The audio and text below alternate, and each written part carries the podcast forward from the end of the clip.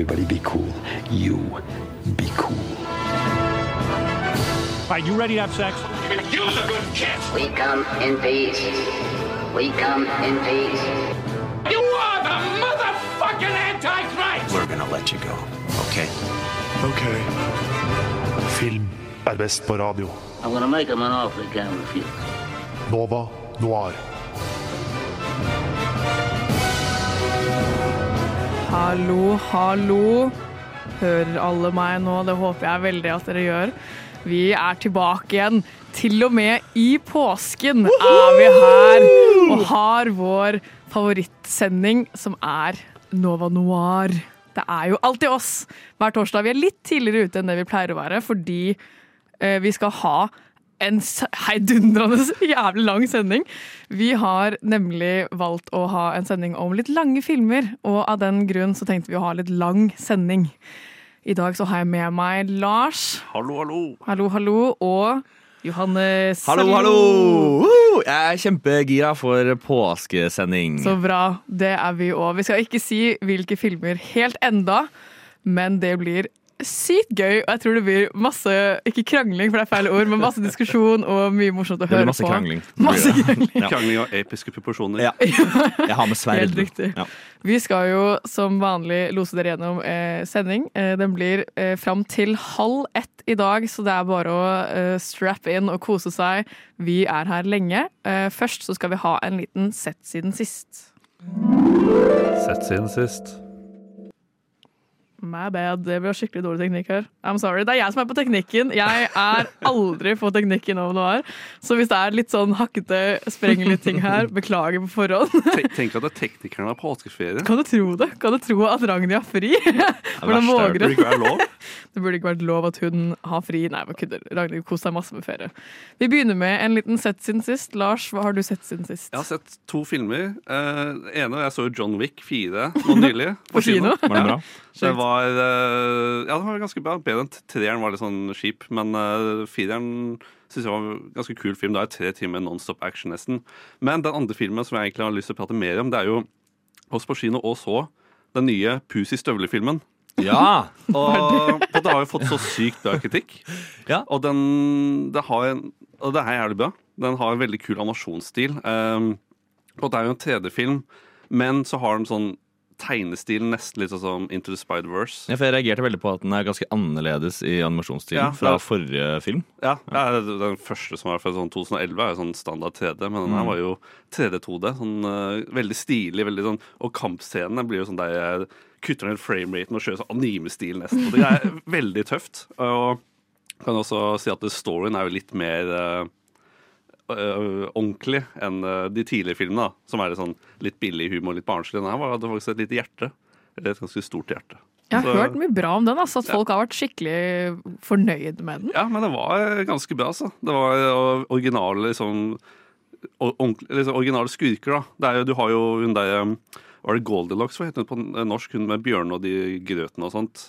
Um, Oi, oi, oi. Uh, Men uansett, da, det, det er jo hun og de tre bjørnene som jakter etter pus i støvler, og de har sånn den mest britiske aksent. Og, oi! Og du har Olivia Colman som er en av bjørnene, og det er sånn Det er skikkelig bra stemmecast. da Men er hun, er hun skurk ved bjørnene?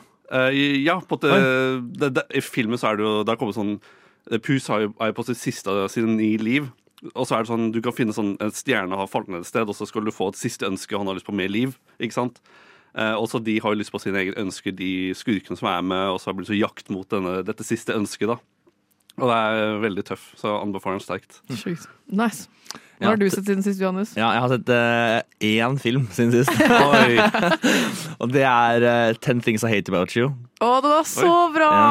Nå ser jeg Lars ser litt sånn uh, jeg, jeg, jeg, har, jeg, har ikke, jeg har hørt navnet, men jeg aner ingenting om Det det. er Heath Ledger i sin high school oi. Drama-periode. Det er liksom ekte Heath Ledger prime. Han bare er liksom bare piker i ja, Liksom. ja. Masse, masse krøllete hår og røyker og er så jævla rå. ass Okay. Tenner siggen i timen og sånn. Veldig kult. Uh, så den så jeg, og jeg har sett den før, selvfølgelig. Alle har jo det. Bortsett fra Lars. Men da så jeg den for deg nå, for litt siden. Uh, det er kanskje den mest helt OK bra filmen jeg vet om. Den, sånn- men den er liksom en av de beste bromcomsene. Ja, for den er liksom ikke, den er den er ikke så jævla teit, liksom. Nei, den er ikke så jævlig teit, men den er veldig teit. Men jeg føler er den, den, den, gjør veldig narr, jeg føler den gjør veldig narr av den der high school drama-greien. Så da er det på en måte ok når den er litt sånn selvbevisst. Det er det jeg liker med den. Eh, Ja. Og så, ja, nei, er, Utenom de filmene vi har sett, så er det det eneste jeg har fått tid til. For å si det sånn. Veldig bra. Mm. Det jeg har sett siden sist, uh, jeg, utenom de filmene i dag, da, uh, som har tatt nok tid i seg selv, er uh, um, Den heter The Devil Wears Prada. Denne filmen Den har jeg faktisk sett. Den har du sett! Det er denne filmen til uh, Meryl Streep og Anne Hathaway og uh, hva heter hun? Emily, Emily Blunt. Ja, Blunt. Mm. Eh, og Stanley Tucci er jo også med. Legenden. Ja, du kan ikke glemme han. Kan ikke glemme. Stanley Tucci, ass. Eh, og det er, filmen handler jo om at Meryl Streep er en sånn uh, motequeen, liksom. Hun er bare på toppen av bransjen. Hun er eh, beryktet for å være liksom streng, karrierekvinne, skiller seg fra masse menn og er bare liksom vanskelig å takle. Og så får da Anne Hathaway jobb som en av assistentene hennes, eh, og må prøve å liksom navigere dette motelandskapet med da masse kritikk. Hun har jo ikke noe klesstil, hun har ikke riktig personlighet. Alt er liksom feil, og så klarer hun liksom å, å gjøre sitt for å komme på toppen. Um, den er litt teit. Jeg tror han ga den tre stjerner. Var sånn, det var hyggelig, men Det som er teit med den filmen, er bare slutten. Ja! Det, ikke for å spoile, men du fjerner... Altså, filmen er fra 2004. ja, jo, jo, men du, du, du fjerner jo alt av karakterutvikling i de siste eh, ti minuttene. Hvis det eneste som kommer godt ut av den filmen, er jo eh, Jarls, Jarlsberg. De, Ja. de, de kaller det Jarlsberg. Det er sant. Så, Fordi det er jo en scene der uh, Anne Hathaway da bare er sånn Jeg orker ikke å jobbe for deg mer, du er litt kjip, jeg vil ikke det her. Uh, og Meryl Streep er sånn Å, herregud, slutt å tulle, alle vil det her. Og da har hun liksom For det første så mister Meryl Streep all dybde hun har brukt to timer på å utvikle, fordi hun sier akkurat det. For da har hun bare sagt imot det hele filmen handler om. Og så uh, går Anne Hathaway bare tilbake til å være litt sånn, sånn quirky journalist med en gang. og, og kjæresten er den kjipeste kjæresten i filmhistorien. Jeg syns han er skikkelig dritt, for han dumper henne fordi hun endrer seg for jobben. For hun legger inn innsatsen, og han er sånn 'du er ikke den du pleide å være', 'jeg vil ikke være sammen med lenger', og hun er sånn 'bro, jeg tjener masse penger nå', hva faen. Og han er dritlat. Jeg vet! Det er, det er hun som burde dumpe han. Jeg er helt enig. Jeg synes det er veldig rart at han gir henne en sjanse, og at hun sier ja til det. Veldig problematisk. Det jeg må fortelle i tillegg til at jeg så den filmen her, var at jeg var, satt jo hjemme og skulle se den her og skulle lage litt middag og kose meg. Og lagde middag, spiste middag mens jeg så på filmen. Kom på da filmen var ferdig, filmen varer i to timer, at jeg hadde stekt hvitløksbrød i ovnen min i to oh, timer. nei. Å, Så jeg hadde da stekt hvitløksbrød så lenge den filmen varer. Så jeg snur meg og så ser jeg at hele kjøkkenet er røyklagt. Og jeg er sånn Å nei, hvitløksbrødene mine! Så jeg forbinder nå den filmen med liksom brent hvitløksbrødlukt i hele leiligheten min. Men uh, bor ikke du i studentbolig? Jeg bor i SIO-bolig, så Ja, kjøkkenet mitt var jo hele leiligheten min. Liksom. Ja, ja, men det er jo, og det er jo krise hvis eh, brannvesenet kommer. Ja, det, jeg var jo jævlig heldig, men jeg var smart nok til å ikke lokke opp liksom, eh, ovndøra. Ja, så all røyken slapp ikke ut på en gang. Jeg okay. bare skrudde av og bare lot det kjøle seg ned. Ja. Sjokklufta, vifta på full blast. Jeg bor jo med takvindu også, så jeg er liksom fucked sånn sett også. Så jeg var skikkelig redd. Jeg var sykt stressa. Men alt gikk bra. Filmen var grei. Maten var god. Hvitløksbrødene ble kasta. For, for en dramatisk eh, dramatisk- Hvitløksbrød er jo det beste også. Det er sykt godt. ja. ja, Sjukt at du kom så langt inn i maten uten å tenke på at Ja, det, det mangler noe. Det mangler et eller annet her. hadde ikke satt på timer, så jeg hadde bare helt glemt.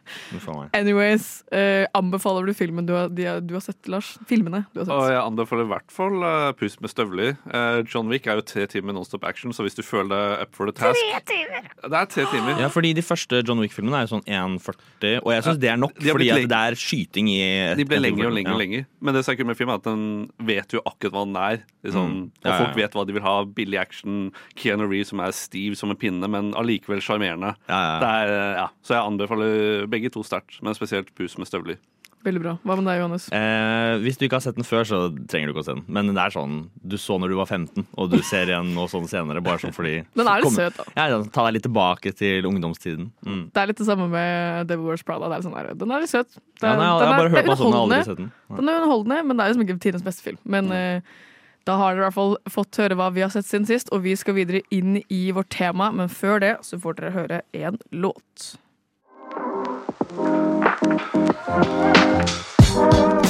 Nova Noir. Film på radio. Hver torsdag 10 til 12 eller i din podkast-app når som helst.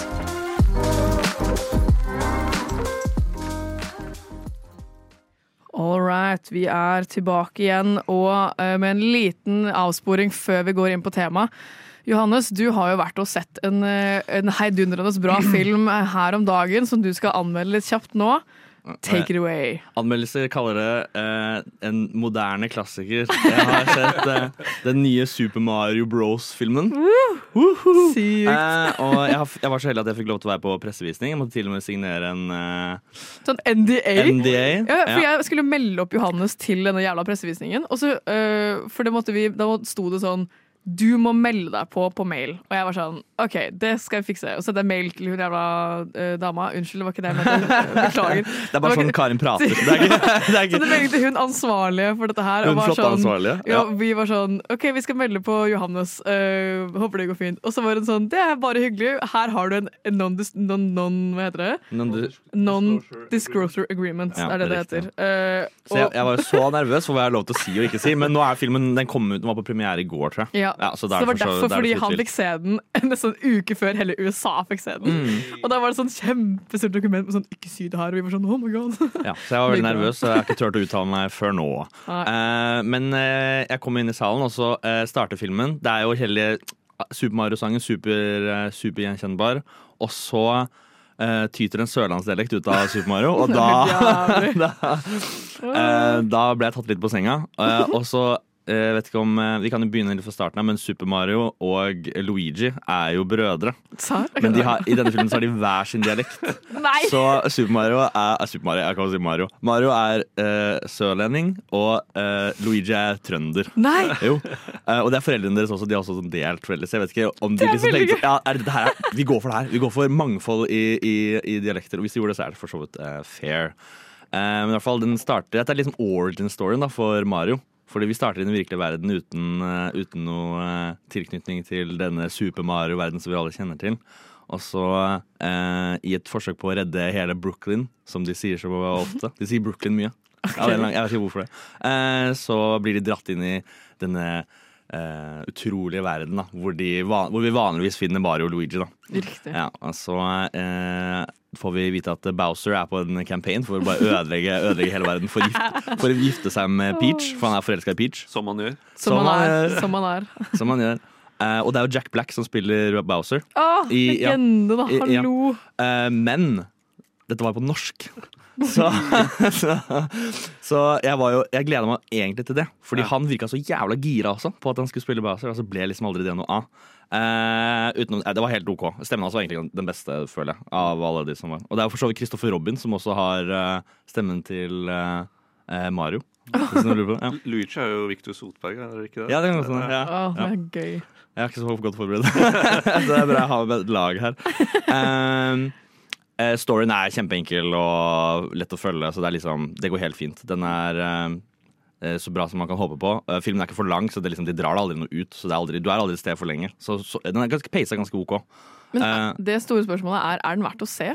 Eh, ja, fordi det kommer helt til slutt nå at eh, dette er en barnefilm hele veien gjennom. Med dårlig eh, Vi har jo tidligere Har jeg vært på sending, hvis dere har hørt på meg før, så har jeg snakket jeg om, eh, snakket om animasjonsfilmer, spesielt Shrek, som er liksom du har, eh, og vi snakket jo om eh, Pus med støvler tidligere i den eh, episode, episoden her nå. Eh, at det er barnefilmer med stor verdi. Det er stor underholdningsverdi for voksne. Denne her har ikke det. Ok. Ja, det er bare ja, altså. Men eh, hvordan er animasjonsstilen på Det er jo var det Illumination, og Ja. de har jo laget Syng-filmene. Um, ja. Eh, ja, Å, det, er sånn, nei. det er kanskje det mest sånn basic 3D-animasjonen du får tak i. Jeg- jeg er Ok. ikke noe, det var ikke dårlig, men det var liksom ikke Det var ikke noe var ikke spesielt Shrek. heller. Det ser, nei, det ser litt ut som sånn cutscenes på Nintendo. Eh, ikke Shrek, ja. Nei, det ser litt ut som cutscenes på Nintendo med litt mindre piksler. Ja. Ja, riktig. Er mer eller mindre det. Og så var jeg også veldig skuffet over at Nintendo har kanskje største eh, eh, biblioteket med eh, spill, film og sånn type musikk. da mye dramatisk, kul musikk, men så velger de allikevel å bruke Back in Black fra ACDC når de skal ja, som, som alle gjør i, i eh, Mario Kart-scenen, for det er jo selvfølgelig Donkey Kong-scener, Mario Kart-scener, under, undervannsscenene. Eh, Men da, da spør jeg, Hvis de brukte Mario Kart-scenen, hvorfor brukte de ikke Highway to Hell da? eh, Ja, det er et veldig, godt det er veldig spørsmål. godt spørsmål. Eller Life is a Highway, hallo? Men det de, det de brukte, var jo eh, denne Kill Bill-sangen. Den som Tarantino gjorde veldig kjent i Kill Bill. Den der når de ah, Er det surfemusikken? Det er den der der, der, dunk, dunk, tsch, duk, duk, dunk, tsch. Husker du ikke den? Nei, ok. Nå ser jeg ut som Tines idiot, men det er aldri det. Jo, jeg tror kanskje jeg vet Ja, ja, alle, alle har hørt den før. Nei, jeg kjenner bare med en gang. Men det er liksom, de, når de har dette store biblioteket av liksom Nintendo-musikk, så, ja, så Mm. velger de å ikke gjøre det. Så alt i alt, eh, det er en barnefilm. Har du småsøsken, ta dem med. Hvis ikke, bare dropp det. Og det er Ja, greit. Det er notert. Da har dere fått høre litt om Super Mario. Vi skal videre til en liten introduksjon av temaet vårt litt kjapt, før vi bare går inn i hver enkelt film. Vi satt jo og drodda litt etter, et, eh, etter våre ukentlige møter som vi i redaksjonen har, eh, Lars og jeg, og kom fram til at vi har jo egentlig veldig lyst til å se disse store, episke filmene som er tre, fire, fem timer lange, men vi har liksom ikke hatt noen grunn til å gjøre det. Så vi satte oss ned sammen og var sånn, vet du hva? Vi tar en påskesending. Vi har en dritlang sending, og vi velger tre av de mest kjente episke filmene. Så vi landet da på filmen Ben Hur fra 1959, Cleopatra fra 63 og Lawrence of Arabia fra 1962.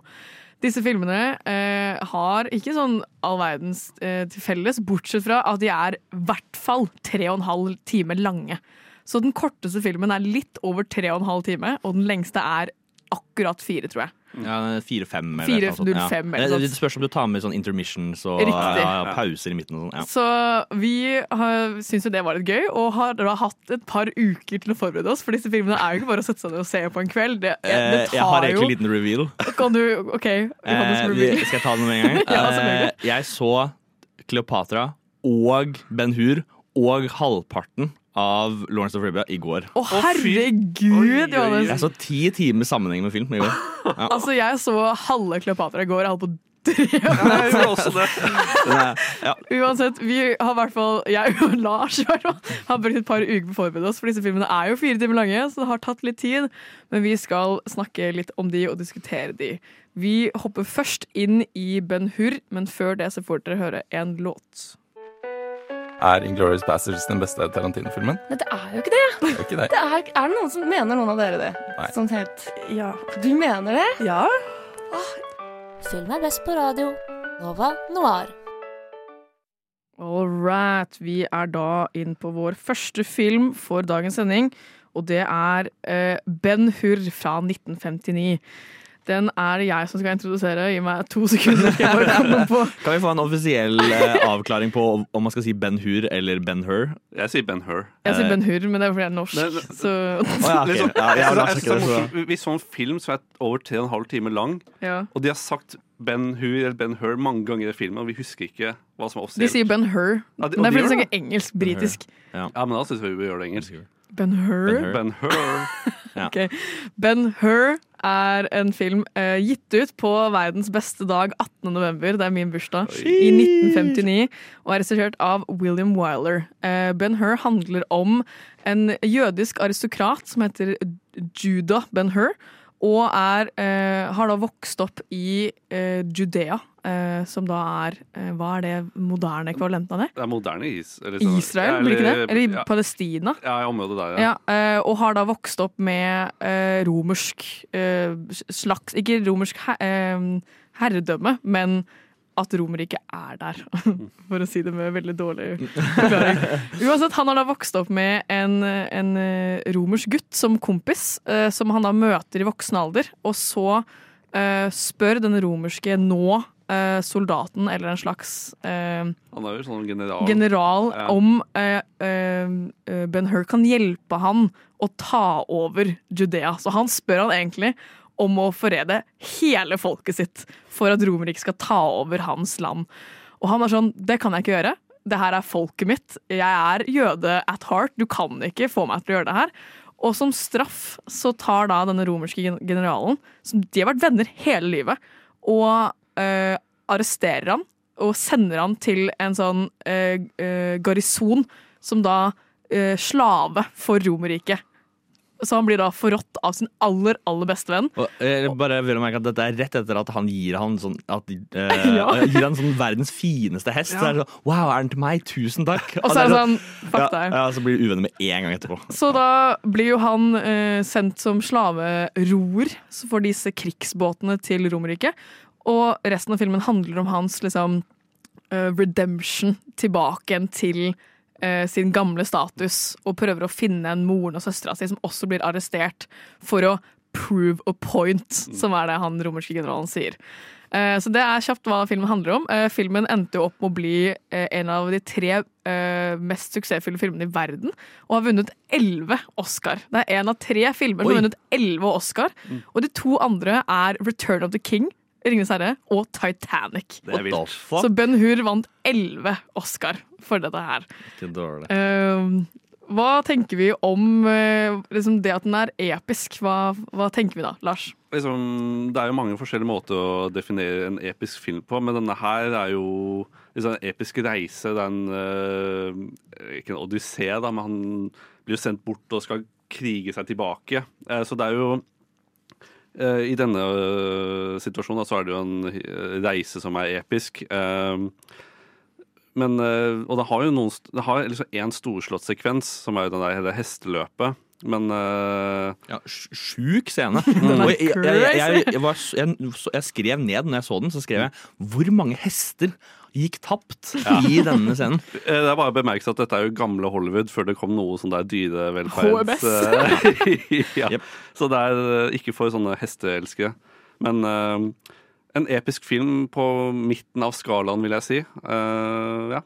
Hva med deg, Johannes? Hva Ja, du? det er tydelig at noen er litt mer misfornøyd med filmen enn Ja, for jeg andre er fordi så. Uenig i det er utsagnet. Ja, jeg synes den var jævlig fett. Uh, men eh, jeg husker jeg, det var ikke langt inn i filmen hvor jeg følte at jeg hadde sett den før. Og jeg følte sånn, det her er en film jeg kjenner igjen. Og det er fordi at uh, Nei, nei, nei. Har du sett den remaken? Nei, nei, nei. nei. ja. Men eh, jeg merka at det var mye, det var mye Ben Hur, eh, Ben Hur-filmer. Ja. uh, men det er jo Life of Brian jeg tenker på. som, som er da en sånn uh, Det er liksom parallellhistorien til parallellhistorien. Til, Ja. Fordi det er jo vel, viktig å merke seg at eh, Ben Hur er jo eh, Han er jo født samtidig som Jesus. Og det er liksom sånn Du følger liksom hans historie ved siden av Jesus. Eh, sin historie, Så Jesus dukker opp flere ganger i filmen. Og det, så jeg følte at det her har jeg vært borti før, altså. men det er fordi jeg har sett Life of Brian så mange ganger. Ikke sant? Ja. Ja, nei, jeg syns jo Jeg hadde jo sett den filmen her før jeg så den i en sånn typisk sånn eh, um, jul når alle er syke. Ja. Og så gikk den her på TV, og pappa var sånn 'Det her er en bra film, den må du se'. Og jeg var sånn 'OK, jeg er tolv år, let's go', liksom. Og satt og så på den her med pappa, og fikk liksom ikke med meg sånn veldig mye, men tenkte sånn det var en grei film. Og jeg husket overraskende mye av den filmen da jeg så den på nytt nå. Um, jeg syns den er skikkelig bra, og jeg syns ikke det er en, uh, en, ep en episk film på sånn midten av skalaen. For det er jo, altså, har du sett mange statister det er? Jo, jo, så Ja. Oh my god! Også de der båtscenene, og det er ganske utrolig. Jo, jo, men jeg tenker i forhold til de filmene vi skal uh, prate Ja, om i dag, så altså, er den ikke for å sp- spoile holdt, alle vet hvilke filmer vi skal ha, men altså, Kleopatra What the fuck? Ja. Anyways, vi går til det etterpå. Uh, men det er veldig gøy at du sier det med Jesus. Det er jo en parallellhistorie til at, eh, til at jødene blir uh, Eller noen av jødene velger Jesus som sin Messias. Eh, og den, Ben Hur er jo basert på en bok som ble gitt ut på 1880-tallet, om jeg ikke tar helt feil. Og har blitt kåra til, bortsett fra Bibelen, verdens mest kristne bok.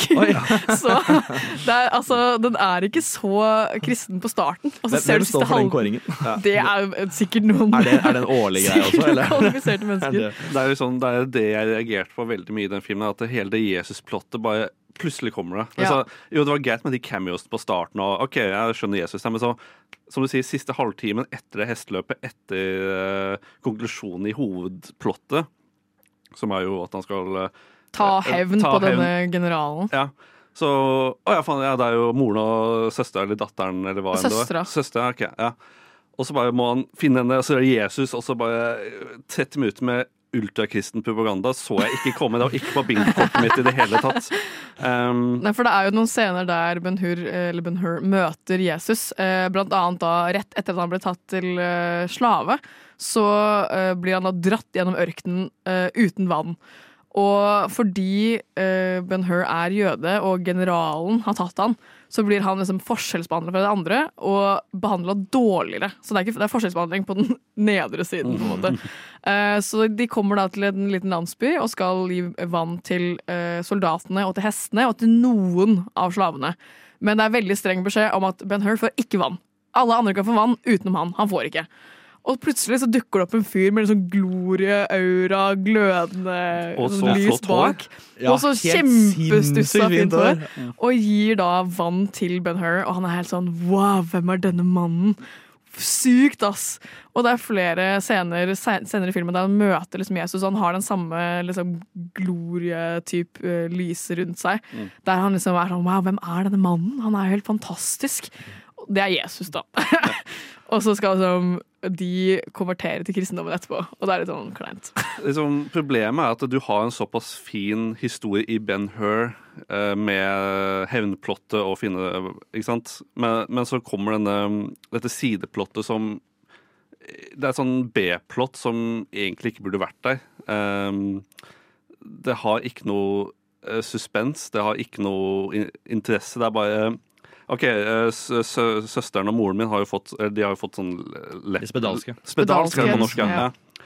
Og så skal han finne de og bare Fuck dette, jeg, skal, jeg finner de, jeg skal klemme de, selv om det kommer til sikkert å smitte meg og bare helt sånn crazy. Og så Ok, så er det Jesus, vi må finne han, og så blir han korsfesta, og så plutselig blir moren og søstera helbredet i dette stormværet. Ja, de blir eh, For de har jo Ingen vet jo hvordan liksom, spedalskhet fungerte på den tiden. Nei, nei. Eh, Så de har hørt at Jesus kan liksom helbrede dem, fordi han er jo overmenneskelig, en overmenneskelig person.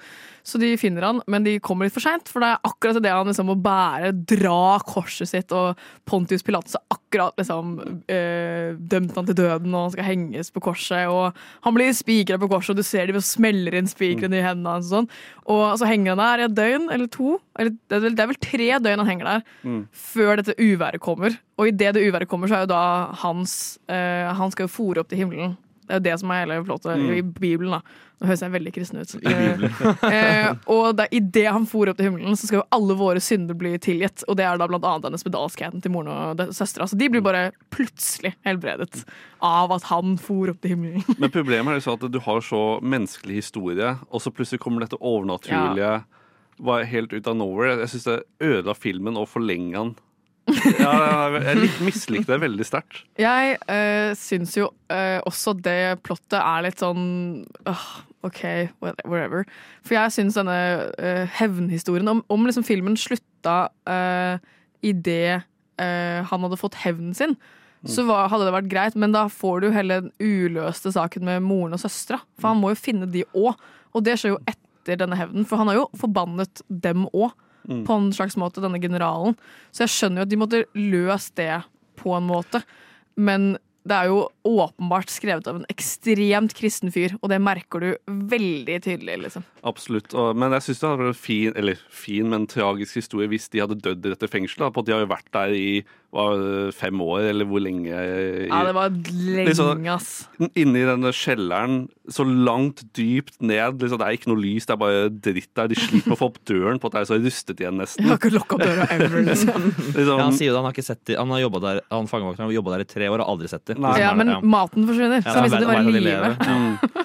Nei, så det, det hadde vært en fin tragedie, uh, men uh, ja. Nei, jeg, jeg mislikte det veldig sterkt, egentlig. Hva tenker du, Johannes?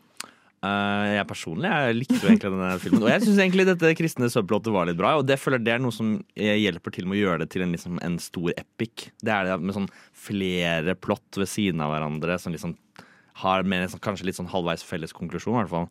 Uh, så jeg jeg, jeg- det, det var utrolig eh, lett å forutse at når de var spedalske og Jesus er i samme historie, at på en måte denne frelsesen frelselsen, fre- fre- frelselsen skal eh, eh, skje.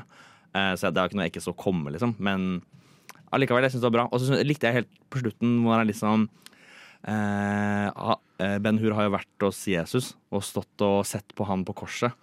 Og eh, så s- en ting som han tok med seg fra det, var liksom sånn Selv da, selv etter at han har blitt korsfesta, så sier han liksom Lord forgive them, they don't know, they don't know what they're doing. Ikke sant? Ja. Selv i det, da. Og det er det som virkelig går inn på Ben Hur. uh, Ben Hur, uh, at uh, eh, da går det virkelig inn på han, da. Liksom sånn hva tilgivelse kan gjøre. Da. Altså, han trengte et sånn ordentlig tydelig tydelig eh, visning av det, for at han, eller demonstrasjon av det, for at han, det skulle liksom gå inn på han. Fordi det, det gjør det jo ikke sen.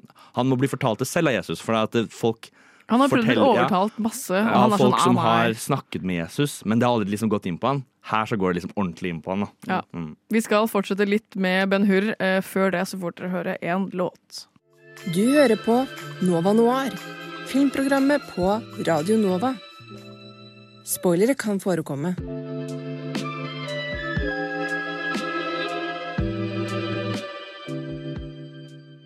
All right, vi skal fortsette litt med Ben Hur. Og Lars, du hadde en liten fun fact å komme med. Ja, eller Det er en introduksjon til et tema som vi kommer til å prate om med de andre filmene også. På at, eh, jeg vet ikke om når dere så filmen at jeg merket at bildet var veldig veldig smalt. Det var Mhm. veldig store sorte topp og bunner på filmen. Mhm.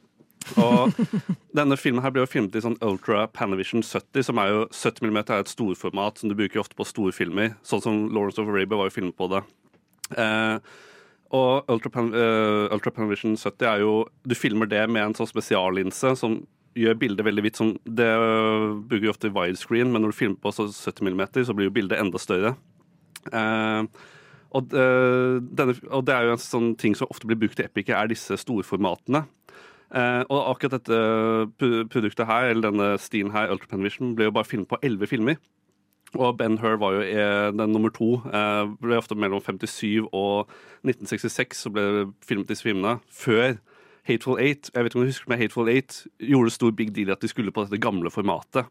Oi. Tarantino pratet om liksom disse storformatene, kinopplevelsen og sånne ting. Um, og denne um, Chariot-racen var jo veldig spektakulær, siden den kunne få disse store shotsene av hele arenaen og hestene.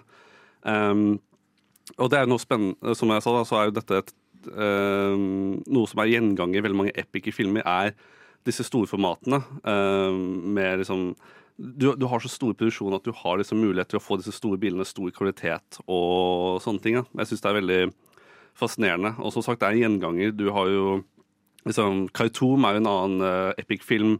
Eh, eh, Fall of the Roman Empire og alle disse her. Alle er filmet på disse superformatene. Um, så jeg føler at det ga noe til filmen, at liksom, det var så st stort. Liksom, jeg tenkte dere noe over det? At det var så vidt? For at Det er jo egentlig et mer kinoformat, men når du ser det hjemme i stuen, merker dere noe til det da? Jeg så det på den lille Mac-en min. Det er ikke sikkert at jeg liksom Johannes. eh, jeg, eh, Ikke på en TV engang. Nei, jeg beklager, jeg har ikke TV. så, jeg må, så jeg tror dessverre der så skuffer jeg litt med Mm. at jeg ikke la så mye merke til det. Men eh, jeg er veldig imponert. Altså, bildet ble veldig lite, da. I, fordi at, ja, det blir så Mm. store black bars på, eh, på opp og ned, da. Eh, men jeg er jo ganske imponert over liksom sånn Jeg husker den der eh, hestescenen. Den der, denne, hva heter det? Chariot. ja, Chariot. Eh, så var ganske imponert over sånn gigantisk eh, liksom Hvor mye du får med deg i bildet. Mm. Så jeg la vel merke til det, bare Jeg tenkte ikke på det så mye, dessverre. Hvis jeg hadde sett det på en stor eh, skjerm, så tror jeg sikkert jeg hadde tenkt mer på det. Mm. Nei, på at jeg tenker jo Eller jeg så jo Cinemateket i sin tid viste jo det var jo den ene kinoen i Norge som viste Hateful Eight i det originale storformatet. Eh, som er, det er videre enn normal widescreen. Um, og så husker jeg at jeg var jo den siste som kom inn i salen. Det var første gang jeg var der, så jeg visste ikke at du ikke reserverte seter. Det er first eh, man serve. First come, first serve. Ja, first come, first serve. Og så jeg endte opp på første rad Herregud. på dette ultravide formatet. Og når, når jeg sier at jeg måtte vende hodet mitt fra den ene siden til andre for å se andre enden av eh, bildet, så tuller jeg ikke. Um, så nei, jeg tenker over at det er jo spesielt et kinoformat. da. Eh, både når du er spesielt på en laptop, jeg skjønner ikke hvordan du overlever så blir det, jo, blir, så blir det jo bare en byrde. Men når du ser det på en kino, så blir det jo litt mer eh, spektakulært. da. Mm. Jeg det skal så sies at jeg vil bare kjapt uh, forsvare meg selv med at jeg brukte en liten laptop fordi at jeg var på besøk hjemme. Så jeg måtte ta med meg en liten Så det var bare derfor. Ja. Jeg skjønner. Jeg så jo uh, Ben Hur på um, TV-skjerm. Jeg har jo ikke Tines største TV, men det hjalp mye mer enn å se det på en bitte, bitte liten skjerm. Mm. For jeg så jo Lawrence of Arabia på en PC-skjerm. Å nei! Så jeg kan jo si meg litt skyldig som Johannes at jeg har sett eh, noen på, på større skjerm og noen på mindre skjerm. Men jeg skulle ønske jeg så alle tre på kino. Ja. For jeg tror liksom det å Mm. sitte der og bli tvunget til å sitte der og se alt, få med seg alle replikkene eh, alt som skjer, alle detaljene, hele bildet, som det skal ses, så tror jeg det opplevelsen hadde blitt mye bedre. Og jeg tror jeg hadde likt filmene mye bedre om jeg hadde sett dem hjemme. For jeg merket jo at tre og en halv, fire timer er lenge å se på en film. Og når du da har alle distraksjoner, du har en liten skjerm, du kan dra fram mobilen eller begynne å fikle med noe annet, så mister du hele fokuset fra den, det episke som du skal se. Mm. For jeg tror den filmen er laget for at du skal se den i strekk, på en måte. Mm. Ja, og ikke det, sitte men det, og det er definitivt, for det er jo også innebygde pauser. Ja. Det er jo intermission midt i filmen. Altså den, den, Filmen deles jo opp for at når man ser den på kino, så skal man faktisk ha en pause. Mm. Og det er noe jeg liksom savner kanskje litt i dagens eh, lange For det er mye lange filmer om dagen, og Ja, eh, det er ikke noen pauser i det. Ja. Jeg føler at dette er også et argument for at vi burde støtte disse kinoene som viser eldre filmer, som ikke alltid viser moderne. På at da har du muligheter til å se disse filmene som de var ment som på kino. Eh, jeg nevnte jo Cinemateket i stad, og de har jo, før korona så hadde jo annethvert år en 70 mm-festival. Og det er jo kanskje min liv, uh, ikke, ok, det er litt tematisk da, men ikke min største feil her i livet, men at jeg var for sent til å bestille billetter til Lawrence uh, når den gikk på 70 mm. Fikk ikke sett den. Ikke i 70 mm, så det, jeg håper at de setter den opp. Ja, det, eh, vet du hva, Hvis Cinemateket hører på nå, kan du sette opp alle de tre filmene. ja, det, ja, men, eh, jeg ville faktisk sett de på nytt da. På at det er, altså, det er Kinoopplevelsen er noe helt spesiell, egentlig. Um, Men har dere noen flere tanker om Ben Hur før vi går videre? Altså, Jeg syns jo den filmen her er helt sykt bra. Jeg synes Den var den letteste å se på. Men det er vel kanskje fordi storyen er noe jeg kjenner bedre til enn de to andre. Jeg gir egentlig litt blaffen i Kleopatra. Liksom, drit og dra. Men Drit og dra? Drit og dra til Kleopatra. Nei, det var eh, ikke Don't quote me on that, holdt jeg på å si. Men eh, jeg vet ikke. Jeg syns eh, du føler liksom vet ikke, Med Ben Hur så du kjenner på det hatet han har, og den hevnen han vil utføre. Og du ser det liksom i øynene hans hele filmen gjennom. Og du blir, du blir jo sinna på hans vegne, og du vil jo inn i filmen og redde han fra det, og hjelpe han og gjøre alt du kan. Og du bare du skjønner så sykt godt hvorfor han er så sykt sinna, og hvorfor han vil ta hevn, og hvorfor han ikke orker noen fra Romerike ever again, og han er bare sånn OK, jeg må hevne meg på noen, liksom. Og jeg, jeg kjenner meg så igjen i det, liksom. liksom Motivasjonsmessig så er jeg helt enig at det er en sånn veldig engasjerende film. Men liksom, selv om det bare er, sånn, var fem år mellom alle disse filmene vi skal prate om, så den her ble laget i 1959, da, så Mm. ja, filmet i 58, skal vi anta. da. Så merker jeg veldig liksom, Du merker veldig at dette er en 50-tallsfilm, mens de andre er 60-tallsfilmer. Eh, Den er så. Liksom, problemet er at den har veldig mye etablerende bilder, den har liksom store total, men du klippingen er minimal. Det er veldig lite gå inn på nærbilder av folk. Det er, hvis de kan unngå det, så holder de bare samme bilde. Um, og det er jo kanskje liksom Nå skal jeg ikke være en sånn kjip, moderne fyr som uh, har sånn konsentrasjonsvansker og liksom ting noe nytt hele tiden, men det har jo veldig Med tanke på at det er sånn stiv dialog som er i gamle filmer, så må man ha noe som er litt mer engasjerende. Uh, jeg var veldig engasjert under disse krigsscenene eller hesteløp eller noe, men når du har disse dialogscenene, så trenger jeg mer fyll. Jeg trenger mer å henge fast i. Så det er jo den svakeste av de tre vi har sett i dag. Syns. Lars. Ja, jo, jo. Verdt å merke. Ja. Jeg syns det her er den beste av de vi har sett. Ja. Og det kommer jeg til å stå for. Altså, det, er, det er en topp to, i hvert fall. Men eh, eh, bare helt til slutt så skal jeg bare si at eh, stuntkoordinatorene på denne filmen utrolig imponerende. Fordi det er en sånn, det er en sånn liten scene som eh, Jeg vet ikke om dere husker engang. Hvor eh, Ben Hur kommer Kommer og så ser Han snakker med denne gamle mannen også, som han møter sånn midt i filmen. En, gamle, en eller annen gammel mann. Dere kommer til å skjønne hvem det er når dere ser han. Eh, og så ser han da disse fire hvite hestene blir kjørt rundt en sånn bane, fordi de skal da trenes opp til å, å kjøre i et løp. Og så er det denne eh, araberen som eh, kjefter på føreren fordi at han pisker da hestene sine. Og til slutt så nekter han jo Han, fortsetter å piske hestene, og til slutt så kjører han bare, eller løper hesten sin bort. Hopper på vogna! Dette her er filma i real time, liksom. Dette, er, dette skjedde. Og det er sånn, ah, det var ferdig. Men det var det er ganske sykt. Jeg bare så det, jeg må spole tilbake. Jeg må se det en gang til. Det var helt utrolig. Jeg må si en siste ting for å forsvare Ben Hur før vi går videre. Og det er jo uh, denne, uh, dette hatet mot Romerriket. At han blir så sinna på denne generalen som har forrådt han. Men han blir jo allikevel uh, tatt inn under vingen på en enda høyere opp i i Romerriket, så hva, hva blir det da? I sånn Nei, en senatet? konsul er det. Konsul er han. Ja.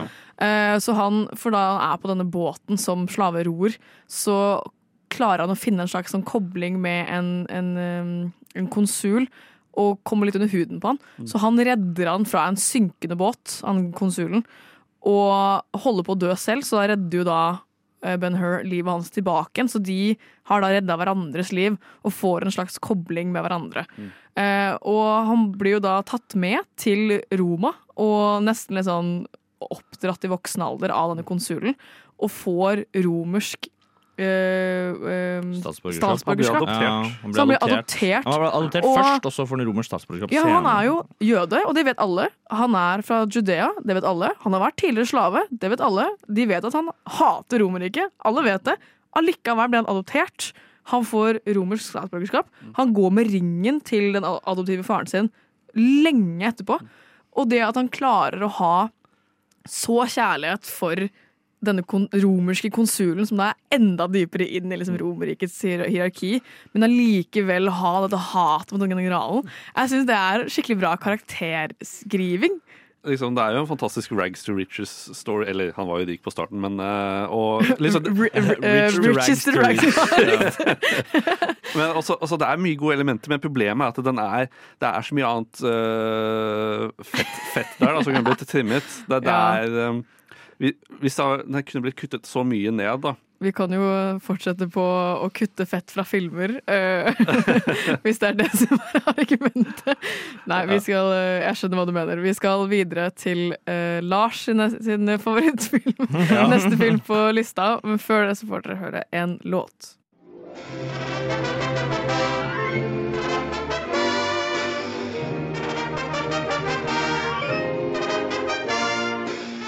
Du lytter til Nova Noir hver torsdag 10-12 eller på podkast når du vil. All right. Vi er da videre på dagens andre film, som da er ingen ringere enn Lawrence of Arabia. Ja, det er jo min favorittfilm av disse her, egentlig Jeg vil sende den på andreplass, eh, hvor Ringnes herre' er jo så klart på eh, første. Men Alle er- tre? Men, ja, de er én film for meg ekstra. Men eh, de, de er jo en epic, de òg. Men eh, nå skal jeg prate om Lawrence og ikke Ringnes herre, så eh, vi må være forsiktige her. Men det er jo en film fra 1962, uh, regissert av David Lean, som er jo en han er også en veldig kjent sånn epic-regissør med 'Bridge of River Kwai' og 'Dr. Chivago'. Eh, og denne filmen tar for seg T.E. Lawrence da, under første verdenskrig. Han er en eh, soldat som jobber i, uh, i Egypt, som er jo i krig mot uh, På norsk heter det Osmanske riket i, Ja. i Midtøsten.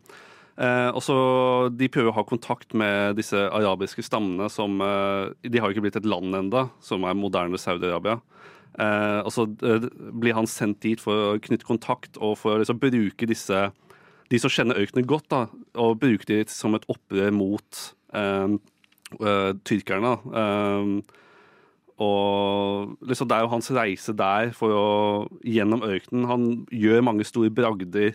Og bli, han blir liksom en del av for, folket. Liksom, han kan jo språk, han kan liksom alt. Og han har veldig kjærlighet for, for araberne og har lyst til å samle dem som ett ett land, eller bruker et sånn uh, council, er jo hans uh, hvor de samles, sam, samles sammen. da.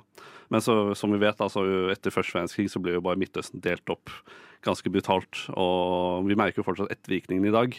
Eh, Så det er en veldig spennende film satt i moderne kontekst på at liksom hvordan på at du får mye liksom, hvordan denne krigen under, Når vi lærer om første verdenskrig, da, så blir jo Midtøsten satt, i, satt litt i bakteppet. Vi hører mye om Vestfronten og disse her. Så det er så Første verdenskrig-film er jo sjelden. Og så når vi får det fra Midtøsten, så er det veldig bra. Og det, filmen er jo epic i alle for, former. Som sagt, min favorittfilm. Eh, på mange, mange mulige måter. Eh, Karin, du ser så lurt på meg. Det, du, du nevnte jo at dette ikke var din favorittfilm av disse. her. Det er eh, min nummer to av de tre. Og så er det, ja. okay. Så det er jo ikke den verste. Absolutt ikke. Jeg tror jeg ga den fire stjerner på IMDb. Mm. Eh, og jeg så den her Nei, på IMDb, så jeg på IMDb, Letterboxd. IMDb? Jeg, pleide, jeg var veldig hard på at jeg brukte IMDb før, og nekta å konvertere til Letterboxd. Og så er jeg bare cava skikkelig etterpå. Ja, det er bare cave-in, Det altså. er noe er helt besides the point. Men eh, jeg så den her nå eh, over to dager. apropos intermission, det var en veldig god sånn Nå kan jeg legge den fra meg, jeg kan ta opp den siste halvannen timen i morgen. Mm. Og det er ingen problem, for det står bare på skjermen 'intermission'. Mm. Så jeg så den med da uh, min far og min kjæreste Daniel, uh, og syns egentlig det var veldig gøy. For pappa har jo sett den og vokst opp med den og syns den er skikkelig bra. Og det er veldig gøy å kunne se en episk film som er satt i mer moderne kontekst enn de to andre vi har. For Mm. Ben Hur er jo satt før og under Jesus, og Kleopatra er jo satt da under Rom, eller Egypt sin, eh, sitt fall i, under Romerriket. Det er jo lenge før Jesus, det her er det ikke? Jo, det er ganske lenge før. Ja, så det er jo mange tusen år siden de andre, eh, mens eh, Lawrence of Arabia er satt under første verdenskrig. Og jeg eh, fikk jo ikke akkurat sånn veldig god opplæring i eh, den osmanske og den arabiske delen av første verdenskrig. Jeg tror jeg ikke lærte noe om det. Jeg visste Nei. ikke at de var involvert engang.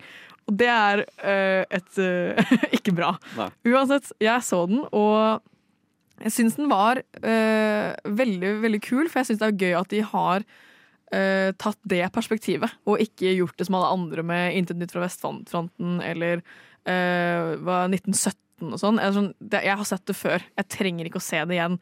Det her var som et eh, breath of fresh air, på en måte, til den sjangeren. Eh, Det jeg sliter mest med, er slutten. Jeg syns den slutta så brått. Ja. At, uh, for han uh, Lawrence, T.E. Lawrence, han bruker masse tid med araberne og blir kjent med de forskjellige stammene, og han blir liksom integrert i disse forskjellige stammene. Og han får liksom venner og allierte, og han, får liksom, han begynner som å kjenne seg selv gjennom araberne. Og så plutselig så er han bare sånn Nå gidder jeg ikke mer, nå drar jeg hjem. Og så drar han bare hjem. Og så er slutten av at han kjører andre retningen, vekk fra Arabia. Og jeg blir litt sånn Hva skjedde nå? Du kan jo se på det som at han ble jo liksom Hele filmen så har han som sagt eh, prøvd å samle folket, og så igjen og igjen da, så merker han at disse stammene vil jo ikke eh, samarbeide. Eh, og han eh, han blir jo kanskje disillusioned, jeg vet, jeg husker ikke hva det er på norsk, men liksom, han blir jo veldig sånn Han, han mister jo håpet, og det er jo spesielt etter den Uh, Jeg leste jo litt opp på han på at han har skrevet en bok, uh, 'Seven Pillars of Wisdom', uh, om sine opplevelser under dette her. Um, Er det basert på en sann historie? Eh, ja, ja, Lawrence var ekte person. Uh, Nytt for meg! Eh, men det er jo en, en sekvens under siste halvdel av filmen, så prøver han å snike seg inn i en by for å liksom scoute den, og så blir han jo tatt i fange og liksom, det, blir, Piska. det blir jo indikert Torturert. det, det, det blir jo indikert hva som skjer. Uh, er jo forskjellig liksom, hva han sier og hva folk mener skjedde. Uh, mye tenker jo på at det skjedde noe seksuelt der. Uh, liksom, Altså, det kan Ja. være en liten Outlander-type greie. ja, men, men, men, liksom, ja. liksom, den hendelsen har jo satt et veldig sterkt preg på han. Og man merker jo det også at han blir jo veldig fra seg og sånt. Så han liksom Som sagt, han, har, han er ambisjonsrik person, da, så blir han en større Han blir en stor person. Liksom. Du merker at ego går inn på han. Så hans karakterutvikling der er jo Man kan jo skjønne at han Så klart, slutten er brå, men eh, jeg tror nok det, man kan se det komme der. Han blir jo behandla veldig som en eh, profet, og, Ja. til, og til slutt så begynner han å tro på det veldig. Og Ja. Du ser liksom kan i øynene alt. hans. Ja, ja. Ja. Ja. Men så er det jo Jeg føler det er liksom Ja, det er et stort vendepunkt, dette med Han blir fanget av eh, han blir, jo, ja, han blir jo pekt ut som en som ikke er araber, og det går veldig inn på han, da, for han føler seg så sykt som en del av landet han er i. Han elsker jo eh, ørkenen av en eller annen grunn. Og det sier jo alle de andre araberne også. Sånn, du kan jo ikke reise herfra. Du er jo skapt for ørkenen. Ja, så- Du er jo mer skapt for ørkenen enn vi er, sier de jo. Og så liksom jeg føler han seg så integrert. Han er så elsket av så mange arabere. Men så er det liksom Han kan aldri bli Han kan aldri bli en av dem, føler han selv. da Nei, nei. Og ordentlig. For han ble pekt ut med en gang han kom inn i byen, og han ble jo bare behandlet sa, som ja, dritt. han har jo knæsj blå øyne og skikkelig blondt hår. Da. Jeg synes det, er, det er Ja, liksom det er det blondeste håret jeg har sett i hele mitt liv. Han har Altså. de blåste øynene og det Ja. blonde det skulle jeg, jeg skulle si det i stad, men eh, Ben Hur også har jo bare verdens, blond, nei, verdens blåeste øyne Ja. Ja. noensinne. Det er jo noe med fargene i filmen de brukte på den tiden. Eh, Det er sikkert sånn Technicolor-filter som bare Liksom- pop, får øynene til å poppe sjukt. Liksom. som jeg nevnte på Ben Hurst, da, denne filmen er jo filmet på 70 mm, som er jo sånn storformat. Og du merker jo det at det er en veldig grandios film. Eh, vi kan jo prate litt om hvordan den er epic. Eh, på at det er liksom Første verdenskrig er jo en stor greie, men det er, det er jo en epic reise for Lawrence, som eh, ja, jeg blir jo bare sendt til disse folka, bygger opp tillit, blir en av de, går og kriger med de. Liksom, det, det er en stor reise. Du, det er en jeg, jeg vet vi bruker ordet reise mye. Eh, sjefen min på jobb pleier alltid å si å ikke bruke ordet 'det har vært en reise' når du skal beskrive ting. Um, nei, men eh, jeg tror nok mye av epikheten kommer i at det er reise på ting. Eh, så klart du har veldig storslagne sett. Jeg vil jo kanskje si at det er, har de største setpisene av de tre filmene vi har sett i dag. Altså, Apropos uh, det der, den kommentaren du sa i stad, Johannes, med hvor mange hester døde under chariot-racen. Ja. Hvor mange hester tror du ikke døde Ja, ja, ja, ja, det er Jesus sånn- Christ, de det de, de. Slåssscenene er jo helt utrolige. Oh da. my de er dritbra. Bare tenk at det ikke var noe CGI. Når du ser disse store slettene med telt og hester. Altså, Hvor- det er helt vilt. Du ser jo at det ikke er noe sånn uh, malt bakgrunn. For det Ja. ser du veldig tydelig i gamle filmer at de har Det er innendørs på et sett, og så har noen malt en sånn dybdebakgrunn i bakgrunnen. Mm. Så det ser ut som de sitter ute, og at det er veldig masse bak dem. Men det er bare en vegg noen har malt på. Det er det jo ikke i Lawrence of Arabia. Det, er jo, det ser skikkelig bra ut hele tiden. Er, som sagt, Den har jo veldig mye hester og store sett. Det er jo så klart det største, Den første store setpisen er jo angrepet på Akaba. Um, hvor du ser dette store panoramashottet hvor eh, hestene angriper denne byen. Så det, er, det, er liksom, det er helt sykt hvor mye de har fått til. Vi skal fortsette uh, enda litt til om Lawrence of Arabia, men før det så får dere høre en låt. Nova Noir! Nova Noir.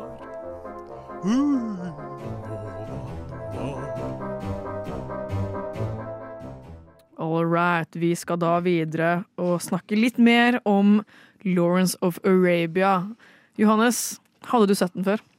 Aldri sett den før, aldri hørt om den før. Hadde vi hørt om den? Nei, jeg, jeg, trodde, jeg trodde Lawrence of Arabia Jeg trodde Lawrence var et, eh, en eller annen type ord. Så jeg skjønte liksom ikke helt sånn Hva, hva er- det? Hva er en Lawrence of Arabia? Jeg skal være helt ærlig. Lawrence La, La, la? Lars Jeg Jeg trodde også at. Lawrence var en type sånn militærtittel. Så jeg er Ja, ja, ja. helt enig. Ja, sånn Lawrence er jo, og Lars er jo samme navn når du setter det i sånn Ja, Det, det vet bare du for fordi du heter Lars. Ja. Det er, det er jo Lawrence, og så er det Lau, Laurents, og så blir det til Lavrans. Ja, Lavrans. Også ja, Lars, ikke sant? sikkert. Ja. Mm. Så, Men det her vet bare du fordi du heter Lars. så klart. Nei. Nei. Men hva aldri, tenker du? Aldri sett før. Eh, jeg, jeg tror eh, Jeg satt og så på den og bare Disse bildene. Disse bil- Sykt. Sykt bra, altså! Eh, det er noen sånne soloppganger, solnedganger, i den, som er helt Mm. sjuke, som jeg skulle ønske jeg så på en bedre skjerm, altså. Nei, denne filmen er jo ja, mest visuelt slående filmen. Jeg nevnte jo det at eh, Ben Hur var jo veldig lite spennende visuelt, eller mye lite klipp, men Lawrence er jo bare tre år etterpå, og den er, den er så moderne i klippestilen. Ja, du sa det. Jeg er helt enig med at den, den virker som en mye mer moderne film. Ja. Det er, jeg husker bare at det er, når han kommer inn i Bra du minnet meg på det. Eh, eh, når han kommer inn i denne byen hvor han får, kler seg ut som en Ja. araber da, og skal liksom eh, tro at han skal liksom komme Blende ja, inn, liksom. blende inn, så blir filmen plutselig mye eldre med en gang. Jeg vet ikke om du Mm, merket det, jo. men da syns jeg den plutselig ble sånn Oi, shit, her ser man at settet er bygd, og at det er litt sånn der eh, plastfolie Og det ble litt blass i Ja. fargen. Det ble Ja, det. det ble det. Litt sånn, en ting som er litt morsom med den filmen Du ser jo det på, du ser jo det på de andre filmene også, at uh, mange nattscener er jo filmet på dagen. Ja, det Ja, tenkte jeg på. Det tenkte jeg på. At det er sånn, Du ser det veldig tydelig. Eh, for dere som ikke veit åssen det funker. De har filmet det på dagtid, og så har de lagt på sånn blåfilter oppå, sånn at det ser ut som det er mørkt, og alle skyggene ser ut som det er natt. Men det er en sånn eh, Himmelen ser bare litt sånn rar ut. og du ser fortsatt skyggene til folk. Ja, at det er sånn solskinnsskygger på bakken og sånn, men det er sånn blåfilter, så det ser ut som det er natt. Ja. Når det ikke er gjort sånn superperfekt, så ser det bare ut som du har tatt lysstyrken og bare skrudd ja. skikkelig ned. Ja. Nei, men eh, jeg syns dette er kanskje en av de mest epike filmene som finnes på at du har store sett, store locations. Dette blir filmet mye i eh, ble filmet litt i Jordan og Nord-Afrika. Jeg husker ikke i Tunisia, tror jeg. Ja. Tunisia og sånt, ja. Eh, musikken er jo ekstremt grandios. Ikonisk soundtrack. Ja, det kan jeg si meg helt enig. Eh, Ja. Nei, så så det er en veldig Jeg, jeg syns det er en fabelaktig og liksom definisjon på en epic, da. For min del så er det ikke det at liksom det tekniske til det episke er det som trekker filmen ned. Jeg syns jo den er uh, mye penere enn det Ben Hur er, og den er jo uh, Altså, setten er mye større, bildet er mye bedre, liksom uh, satt opp. Jeg, merker at liksom, eh, kameramannen og regissøren har brukt tid på å liksom plassere personer på rett sted, bakgrunnen på rett sted, perspektivet sånn og sånn, fargene sånn og sånn. Jeg ser at de har brukt mye tid på det. Det jeg syns er eh, vanskelig med den, er eh, eh, manuset, av mangel på bedre ord. At det liksom det er veldig mye politikk å følge med på. Mm. Og hvis du ikke kan veldig mye om detaljene, som da jeg ikke gjør, så var det ganske vanskelig å henge med, og det er mye tørr dialog, og det er mye sånn å, herregud, nå er det de intrigene, og nå er det de voksne menn som krangler om det, og nå er det sånn politikk og sånn politikk, og det, det går, men fire timer er lenge da, på en måte. Absolutt. Og selv om det er, om det er en menneskelig film er basert på en uh, menneskelig karakter, da, Lawrence, så er jo det kanskje minst personlige filmen, eller relasjonsbaserte filmen vi skal Absolutt. prate om i dag. På at Selv om det handler om Lawrence, så handler det jo om eh, krigen og araberne og liksom, liksom hele den situasjonen der, da. Um, og det handler, sikkert om, eller det handler jo om motivasjonen til Lawrence, men det handler sikkert om det dype foran, da. Um, nei, du, men- får, du, får liksom ikke, du blir ikke kjent med Lawrence på noe veldig dypt nivå. Og det blir man jo introdusert til fra starten av, for han Mm. har jo en begravelse, for han dør jo i en bilulykke på starten. Uh, og alle går rundt og er sånn 'Å, kjente du han? Kjente du han?' Og de er sånn 'Nei, jeg håndhilste på han én gang'. 'Nei, jeg leser om han i avisa'. 'Nei, han hjalp mye til i krigen', og det var sikkert fint, det', men det er ingen som kjenner han, og det får jo ikke vi som seere lov til heller. Og det er sikkert bevisst, men jeg føler i motsetning til da Cleopatra og Ben-Hur, der man får liksom en personlig kobling til hovedrollen, så føler jeg liksom at jeg får bare observert Lawrence, men jeg får ikke blitt kjent med han, på en måte. Ja, det er tydelig at det er veldig sånn der, I denne begravelsen da, Det er veldig mye sånn britiske offiserer som kommer i begravelsen. Det er jo, for han også var jo da i militæret. Eh, og alle har veldig forskjellig oppfatning av hvem han er. Og det er veldig sånn, det er alltid på ytterkanten, hvor hvor de snakker litt sånn, sånn der Ja, for en, for en tulling han var. Mm. Ja, jeg, jeg husker han. Han var raring, ass. Han var en raring, Ja. han, var en, han er jo en raring i filmen. Han er kjemperaring. Han, pass, han passer jo ikke inn i, som britisk, eh, i det britiske militæret i det hele tatt. Sånn, han, eh, ja, han, kommer, han kommer ikke overens med noen av sine eh, likeverdige. Men én ting jeg skal bare si om eh, i start, starten av filmen, så dør han jo i en bilulykke. Eller motorsykkelulykke.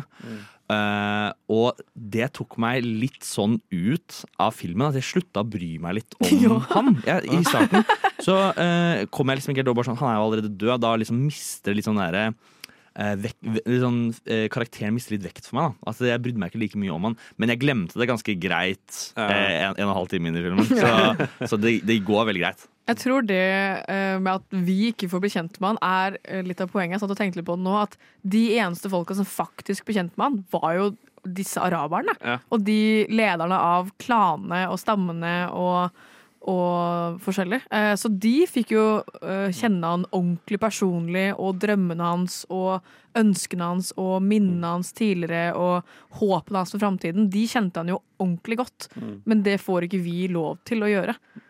Nei, du merker jo det, eller som jeg pratet om i stad, at han ble, han, ble jo en stor, han ble jo en stor person. Bigger than uh, jeg husker Larger than life. Larger than life er jo det. Han blir veldig sånn profetisk. Ja. Ja. Men han, han, ble jo en, eh, han ble jo en skikkelse, og det er jo akkurat det de sier på begravelsen, at de bare nevner det som det han ikke liksom, De nevner bare det overfladiske, da, og, det, og han begynte jo selv å tro på seg sjæl. Men så er det så klart disse araberne som klarte å kjenne han til slutt. Mm. Um, De fikk jo oppleve liksom eh, den blod på tann-arken hans også. Ja, ja. For han uh, må jo uh, For araberne, det her sier de i filmen, jeg skal ikke si at det her er sånn de gjør det fortsatt, men de sier at dersom noen er såret, så dreper de dem selv. Ja. For de vil ikke at noen skal ta deres nærmeste eller tatt til fange eller noe sånt. De bare gjør det sjæl. Det er bare sånn det funker. Og på et eller annet tidspunkt så blir jo Han adopterer jo to foreldreløse gutter. eh, som han eh, bruker Han tar under sin vinge, i hvert fall. Ja, sånn, som- de blir liksom tjenerne hans. Tjenerne da. hans, Ja. menn, sønnene hans, på en måte. Ja, det er åpenbart at han gjør det ut av liksom sånn medfølelse Ja, for dem. Ja, riktig, og ikke fordi han vil ha to tjenere. Eh, og han ene blir jo Han får en sånn ehm, eksplosiv skade, for han har en sånn avtrekker Mm. som eksploderer i buksa hans, så han sprenger jo magen sin åpen. Og han er bare sånn OK, faen, da må jeg gjøre det, da. da må, Jeg gjør det. Jeg, han melder seg frivillig og er sånn Jeg kan skyte han, for da må jo han drepe han. Og du merker bare at han får så lyst til å drepe mer. Du ser det liksom i hele han og øynene hans, Ja. og han sier det jo at og eh, ja, nei, jeg måtte drepe noen, og det var, det var litt rart. Og de er sånn 'Å nei, likte du det ikke?' Og han er sånn 'Nei, det var det som var problemet. Jeg elsket å drepe noen', liksom. Mm. Og det er bare Det, det går så imot liksom, han som karakter. Og jeg syns det var et skikkelig bra liksom, eh, skrevet punkt med han. At han er litt rar og kommer ikke overens med andre mennesker. Men han finner seg selv i araberne, men han elsker å drepe. Du ser at det kulminerer jo i den der eh, når tyrkerne er på retrett, Ja. og så kommer araberne etterpå, så eh, sier jo han, han Nå husker jeg ikke hva han heter, men skuespilleren Omar Sharif, da, som er hans side, sidemann ikke gjør det, ikke, ikke La være, liksom. Bare drit i. Både disse er jo på rett rett, de er skadede. Ja, er, gå rundt, liksom, Ja. er jo det han sier. Både de er jo på vei til Damaskus, er det jo egentlig, og så kommer de overens denne konvoien, men så bare klarer, ikke å, klarer han ikke å stoppe seg, da. Han blir jo helt manisk. Ja. Liksom. Du ser hva han rister, og øynene hans bare sperrer opp øynene skikkelig og Ja. blir helt sånn Vi må gjøre det, hvis ikke så dør jeg sjæl, liksom. Ja. Og det er, det er skikkelig spennende. Og du ser jo han øh, øh, Sidemannen blir jo veldig sur på det. Og så er det jo til og med han reporter, det er en sånn amerikansk reporter som er i siste halv etter intermission der, øh, begynner å følge han og dokumentere han da, på at det er jo han som gjør han stor. Han er jo også en ekte person, eller basert på en ekte person. Um, En journalist som kommer. ja, og han, når han finner ut at han var en del av det angrepet, så bare blir han skikkelig sur. Han blir skikkelig den der På at det er jo kommet ut at det var de var et meningsløst øh, en meningsløs massakre, da. Mm. Mm, absolutt. Uh, men jeg bare kjapt tilbake til disse to guttene som han adopterte. Fordi det er ikke ofte at uh, jeg ser en film, og så går det virkelig inn på meg at det er sånn Oi, noen døde. Ja. Altså, men i ganske før halvparten, halvveis i filmen, tror jeg, så uh, er det en av disse guttene eh, som han, han velger selv å ta med seg disse to guttene fordi han skal eh, Ja, hva var det han skulle igjen? Han skulle et eller annet. Eh, han skal ri alene, i hvert Han skal til Kairo, var det Jo, han skal til Kairo, og da tar han med seg de to eh, guttene. Og så er det liksom, blir det fort sagt sånn Det er ganske risky å liksom eh, reise gjennom ørkenen på denne måten alene. Og så bare Ja, Moses gjorde det. Og Så jeg kan gjøre det, fordi han har blitt sånn Og bare Og skal du ta med deg barna? Ja, det var jo det Moses også gjorde. da Ja. Så han tar med seg disse barna på sitt ansvar, og så ender jo en av disse guttene opp i et sånt eh, kvikksandhull. Og, eh, og det dødsfallet Jeg det, ble skikkelig jeg la- lei meg. Ja, for jeg la meg rett Oi. etterpå, og jeg te- satt og tenkte på det. tenkte jeg, Det var ganske forferdelig. Og han måtte liksom se han og broren, eh, altså Lawrence og broren til denne gutten som dør, sitter liksom sånn De har- kan ikke gjøre noe. På de bare, kanten av dette de bare ligger der og ser på at uh, han drukner i sanda og dør. Og det, Altså, det var gikk, ja, brutalt. det gikk ordentlig inn på meg. Nå har jeg jo sett denne filmen ganske mange ganger før, men eh, det gikk ikke så mye inn på meg eh, siste gangen. Lars har ingen følelse. Det, det, det, det er jo litt sånn gammel film, så det ser jo litt rart ut, men uh, eh, ja. Vi skal videre til vår tredje film for dagens sending, nemlig Kleopatra. Eh, før det så får dere høre en låt.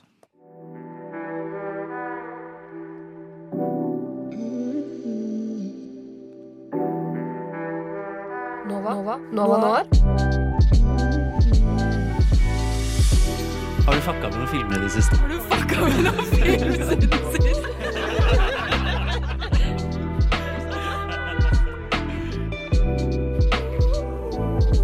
Jeg liker Nov Noir. All right, vi er da videre på vår tredje og siste film for dagens sending, Ja. nemlig Kleopatra. Kleopatra, den siste og lengste. ja, fy Den, faen. jeg tror den står på fire, fire timer og ti minutter. fire, fire, to eller sånt. Det er theatrical cut. Og dette, det, Ah. det er det, ja. Det er en lengre en. Ja, jeg fikk, ja, var det ikke Det var en i redaksjonen vår som informerte oss eh, når vi sa at vi skulle gjøre denne sendingen. Ja, skal dere, skal dere se eh, Hva var det? Directors Cut? Ja, altså, som er en og en halv time lenger. Noe sånt. Ja, det er jo helt Den er fem timer og 13. ja, Nei, det, ja, det gjorde vi ikke, da. Eh, Og det anbefaler jeg ingen andre å gjøre heller. Eh, Men den er regissert av eh, Joseph Mankiewicz, som jeg ble nå informert om er eh, Det er jo broren til han som skrev Citizen Kane. Ja, så det, det går i familien, tydeligvis, å lage flotte filmer. Eh, og dette er da en film Den er gitt ut i 1963 eh, og handler om det romerske riket og eh, hvordan de involverte seg i Egypt, eller motsatt, da, hvordan Egypt involverte seg i eh, det romerske riket. Hvor Kleopatra er spilt av Elizabeth Taylor. Eh, eh, Julius Cæsar er selvfølgelig med i første halvdel av filmen. Rex eh, Harrison, som spiller eh, Cæsar. Og Richard Burton, som spiller da eh, Marcus Antonius. Og både Julius Cæsar og Antonius er på en måte eh, to generasjoner av elskere til eh, Kleopatra. Eh, så det, filmen starter liksom med eh, at eh, Mark, nei, Julius Cæsar må reise til Egypt for å liksom fikse opp i en liten sånn konflikt mellom Kleopatra og broren, som nå liksom hersker over Egypt sammen. Ganske motvillig. Eh, og så er det liksom derfra så seduser eh, Kleopatra eh, Julius Cæsar. Og er det ut av kjærlighet eller er det ut av maktspill? Hvem vet? Eh, det får du kanskje se i filmen. Kanskje vi skal snakke litt mer om det senere. Men dette, for meg, er en, en epic, altså. Fordi den ikke bare har den Den har jo flere hovedkarakterer. Den har jo, det er umulig å si én hovedkarakter. Selvfølgelig, Kleopatra er jo da det sentrale. Det meste foregår rundt henne. Men den bytter jo hovedkarakterer gjennom eh, hele filmen. For det begynte jo med Julius Cæsar som hovedkarakter, Mm, og så blir det Cleopatra, og så blir det Marcus Antonius, og så blir det han eh, Octavius, Ja. og så blir det Kleopatra igjen. Ja, det er litt sånn den er delt opp, da. Men det er virkelig det som liksom eh, eh, for meg blir det en epic, da. Med sånn eh, mengder av karakterer som bærer mye vekt. Alle de er jo superviktige. Ja. Jeg synes jo på en måte Det som er interessant med filmen, er at det, på, det er kanskje den som er mest sånn epic når du tenker på det som skjer. Liksom, Som Mhm. sagt, generasjonen. Det er Cæsar, det er Mark Anthony, det er Klepata, ikke sant? Ja. Eh, men allikevel, altså, altså, spesielt så har du sekvenser som da Kleopatra først kommer til Roma. Kanskje en av de mest storslagne sekvensene jeg har sett. Fy faen, altså. Men samtidig så har den kanskje veldig mye av det laveste, minst epice du, man kan se på film. Jeg syns den er episk på eh, den måten at det er mye greier i hvert Mm. bilde. Og det er kostymeskift, og det er eh, rekvisitter, og det er scenebygging, og det er, det er så mye greier. Men storyen er så kjedelig å følge med på. Jeg beklager. Det var gøy liksom første halvannen time fram til, eller to timer fram til Julius Cæsar blir myrdet, og etter det så faller jeg bare så av, ass. Jeg sleit skikkelig med å se den ferdig. Jeg så første Jeg så den også i to omganger. eh, og da så jeg først halvannen time, og så så jeg de to og en halv, tre timene til, holdt jeg på å si, i går kveld. Og jeg synes, det, det, tok, det var aldri ferdig! Altså, problemet jeg har med denne filmen her, er at uh, Som sagt, da, det har noen epic element, men mesteparten av tiden blir brukt i interiøret sett, som er De er jo bygd veldig fint. Det er jo fine sett. Men de står bare der og prater. De prater politikk. Det er bare sånn 'Å nei, jeg, jeg må til Roma for å møte han.' Og så bare klipper de. Ikke noe reise, de bare går ja, rett til Roma. Nytt Ja, sett, ny, ny, ny tronehall. 'Å nei, jeg må prate, prate, prate.' 'Å nei, jeg må tilbake.' Så ja. Det, jeg synes det er Det som jeg syntes var vanskelig med Lawrence of Arabia, eh, var jo at det var mye politikkprat. Det er, altså, Kleopatra tar det bare til et helt nytt nivå. Så det, er sånn, det er så mange navn, og det er så mange steder, og de bruker liksom de gamle navnene på det. Og jeg klarer jo ikke å henge med. Og det, altså, jeg, kan, jeg føler jeg kunne noe om liksom, myteriet på Julius Cæsar og Kleopatra sin uh, krangel med Octavius, og at hun blir sammen med Mark, Marcus Antonius. Liksom, jeg, jeg, jeg visste det jo, men jeg følte at jeg ikke hang med i det hele tatt. Jeg måtte jo google plottet på på, filmen ja. etterpå for å vite at jeg fikk det med meg. For jeg følte ikke at jeg fikk med meg noe som helst. Jeg var sånn, oh ja, ok, for da, ok, Det var sønnen hennes, og så kom han, ok, og så snakket de der i det rommet, og så var det det rommet. Det var Altså, Den er pen å se på, for all del, men storyen er så tung. Absolutt. Dette er definitivt eh, det er, Vi kan gå litt tilbake til det vi sa i stad om at uh, Lawrence føles ut som en mye mer moderne film. Mm. I dialog og liksom som klipping og alt sånn. Mens denne her føles mye mer som uh, Ben Hur. Ben Hur selvfølgelig tar det litt lenger med liksom måten de beveger seg på i scenen, også, som veldig sånn teatralsk. Sånn bøyde knær, lusker seg bortover. ikke sant? Veldig sånn storslåtte dialoger. Og her er liksom sånn litt tona ned versjon av det, men det er mye dialog, og det er veldig teaterdialog. Ja. Det er jo egentlig nesten en rar mellomting av Lawrence og Ben Hur. Ja, og da har de sikkert dedikert seg til en stil uh, som de to andre gjør det. Jeg syns det er en, eh, en eh, bra film, og jeg er glad jeg har sett den, på en måte, så jeg har fått den med meg. Men jeg syns uh, at Ben Hur er bedre på liksom, uh, den tidsperioden og hvordan de har vinkla den. Og så syns jeg Lawrence of Arabia har gjort det liksom bra fordi den er litt mer moderne. Og det er en moderne setting. Jeg syns bare Kleopatra faller litt sånn i midten på dårlig måte. Det er liksom ikke Jeg vet ikke, Den klarer liksom ikke å ta seg opp i noe annet enn sett. Det som er litt morsomt, er at Kleopatra blir jo egentlig birolle i sin egen film, føler jeg. Hun, Mm. hun blir bare sånn sidepiece. Um, som jeg syns er veldig snodig, egentlig. Uh, og det er du har, Jeg, syns jo Julius Cæsar-karakteren, eller han skuespilleren, var veldig spennende, men liksom, du føler ikke at hun forel, de forelsker seg.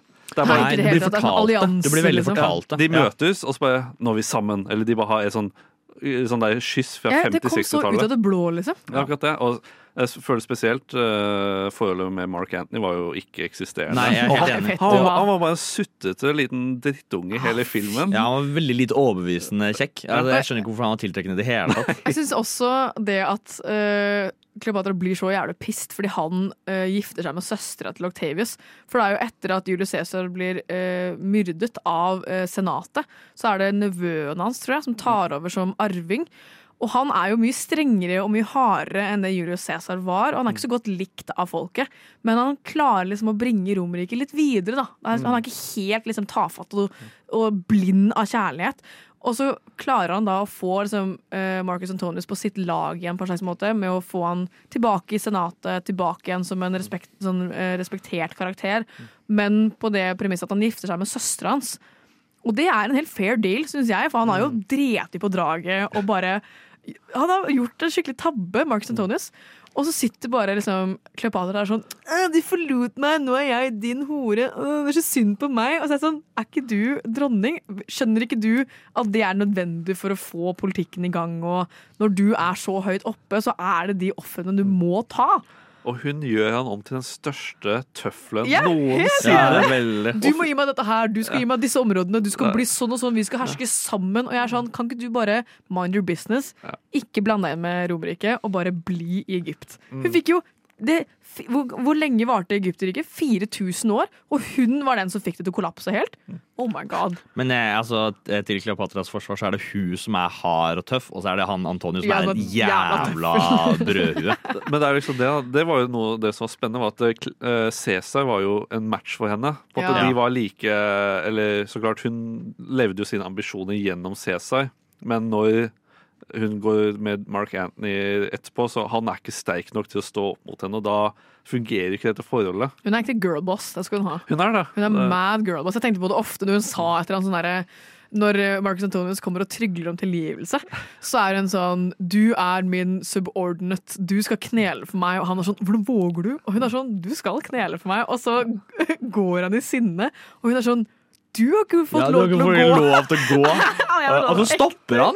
Ja, altså, så man Ja. burde det. Ja, ja. Det er girlboss moment. Det er dronning. Vet hva slags kink Mark Anthony har, i hvert fall. Ja, det er 100 sikkert. 100%. Vi skal fortsette litt videre med Kleopatra om noen strakser, men før det så har vi fått besøk av vår kjære Astrid, som skal anmelde The Popes Exorcist. Før det så får dere høre en låt. My mama always said, Nova Noir was like a box of chocolates. You never know what you're gonna get. Vi er da med en ekstra gjest i studio akkurat nå. Vi har fått med oss Astrid, som skal anmelde filmen The Popes Exorcist. Yes, jeg var på pressevisning på tirsdag. eh, Skulle dra og se skrekkfilm. Gledet meg enormt. Skrekkfilm er favorittsjangeren min. Les nettsaken til Astrid Ja, les nettsaken min, hvor jeg anbefaler 14 virkelig gode skrekkfilmer. Og jeg tror dessverre ikke denne filmen kommer til å stå på den listen noen gang. Bare for, å bryte, for å bryte isen med en gang. Jeg skal snakke om The Popes Exorcist. Eh, Den har premiere i morgen. Den er regissert av Julius Avery. Og handler da om um, father, eller pader, om du vil, Gabriel Amorth, som er en ekte person. I filmen spilles han av Russell Crowe. Uh, og han var um, sjefseksorsist i Vatikanet i Roma. I Tenk mange år, sånn fra 1986 eller noe sånt. Sjefseksorsist. i Vatikanet. til han var sjefseksorsist veldig lenge. Sluttet i 2014, visstnok. Og han eh, har skrevet veldig mange bøker og vitnestekster om sine oppdrag. Det er det filmen er basert på. Så filmen handler om ham, og vi blir introdusert til hans kanskje litt uortodokse metoder når det kommer til eksorsister. Samtidig blir vi også kjent med en amerikansk familie som har flyttet til Spania. De har eh, arvet San Sebastian kapell. Um, og så viser det seg jo da at denne lille gutten i denne amerikanske familien selvsagt blir possessed av en demon, og så må Gabriel Amorth komme og ordne opp. Men det viser seg jo at det er en mye mørkere hemmelighet som skjuler seg ved dette kapellet, og ting som Vatikanet kanskje har prøvd å gjemme vekk. Og det høres uh, kult nok ut, men uh, da jeg liksom hadde sett ferdig filmen, så var jeg litt sånn Faen, sykt, Ja, her kunne dere ha gjort mye mer med det, de midlene dere hadde. Um, men jeg er veldig underholdt. Det var en lættis film. Det er bare det at jeg tror ikke den er ment å være lættis. Men uh, det er ting jeg liker ved den. Problemet er bare at tingene jeg liker, har stort sett et men ved seg. Det som redder filmen fra å være total fiasko, er at Russell Crowe spiller i den. Og han spiller kjempebra. Han spiller egentlig bare seg selv. Han er en litt sånn tøysete, eh, som jeg sa, litt uortodoks uh, uh, prest. Um, han er veldig morsom, og han har veldig mange replikker som eh, du sitter og humrer veldig av. Eh, han spiller på måte, mange måter seg bare seg selv, ja. Med italiensk aksent i denne filmen. der. der. han har- han ja, ja, ja, han Nice. snakker italiensk. Han snakker italiensk i filmen i tillegg. Oi, er det bra, eller er det, Ganske, er det jeg kan ikke italiensk, så jeg vet ikke om det er uh, top notch, men det er ganske convincible. Det er kule lyd- og lyseffekter. Den er bra filmet, og den er veldig pen. Så det visuelle er på en måte på plass, men det er ikke noe sånn spektakulært eller originalt ved den. Eh, han lille gutten som spiller eh, denne gutten som blir eh, besatt av eh, demoner, han spiller skikkelig bra. Han hadde et skikkelig vanskelig navn som jeg prøvde å skrive ned. Peter DeSosa Fayhoney. Ja, Det er Sikkert riktig. så det håper vi er riktig. Men han, han imponerte meg. Eh, Og filmen er faktisk ganske morsom, og jeg er underholdt. Men hovedproblemet er jo at den ikke er skummel. Ikke litt skummel engang. Em, den er også helt enormt klisjéfylt. Det er på en måte den standard eksorsistfilmen vi alle har sett før. eh, og det er jo også blodkopier, altså scener som bare er kliss like fra legendefilmen The Exorcist. Så den har bare blodkopiert en del scener. Og så er pacingen veldig rar, så det er ikke så mye oppbygning. Og det gjør at når det plutselig kommer et veldig skummelt klipp på skjermen som skal være skummelt, så har det på en måte ikke blitt fortalt at nå kommer det noe skummelt snart. Så du er litt sånn å ja, der var du. Og er besatt. Det er liksom, du rekker ikke å bli veldig redd. Um, og den toucher så vidt liksom inn på disse mer sånn religionskritiske aspektene, som ligger an til å være veldig kult. Den glorifiserer liksom ikke Vatikanet eller katolske tro i det hele tatt. Så jeg tenkte sånn, her kan det jo være noe, for det er veldig kult når man drar inn religionskritikk i skrekkfilmer. Men så følger den aldri opp med det, og så er bare oppbygningen og trådene Det blir bare kasta 100 løse tråder på som aldri samles. Um, så jeg var jo absolutt skuffet, og det er generelt ganske ræva spilt av alle andre enn Russell Crowe og denne lille gutten. Og eh, Franco Nero spiller paven. Han har spilt i Django blant annet, og flere famous movies, men han var, var kul. Men det er ikke en veldig original film.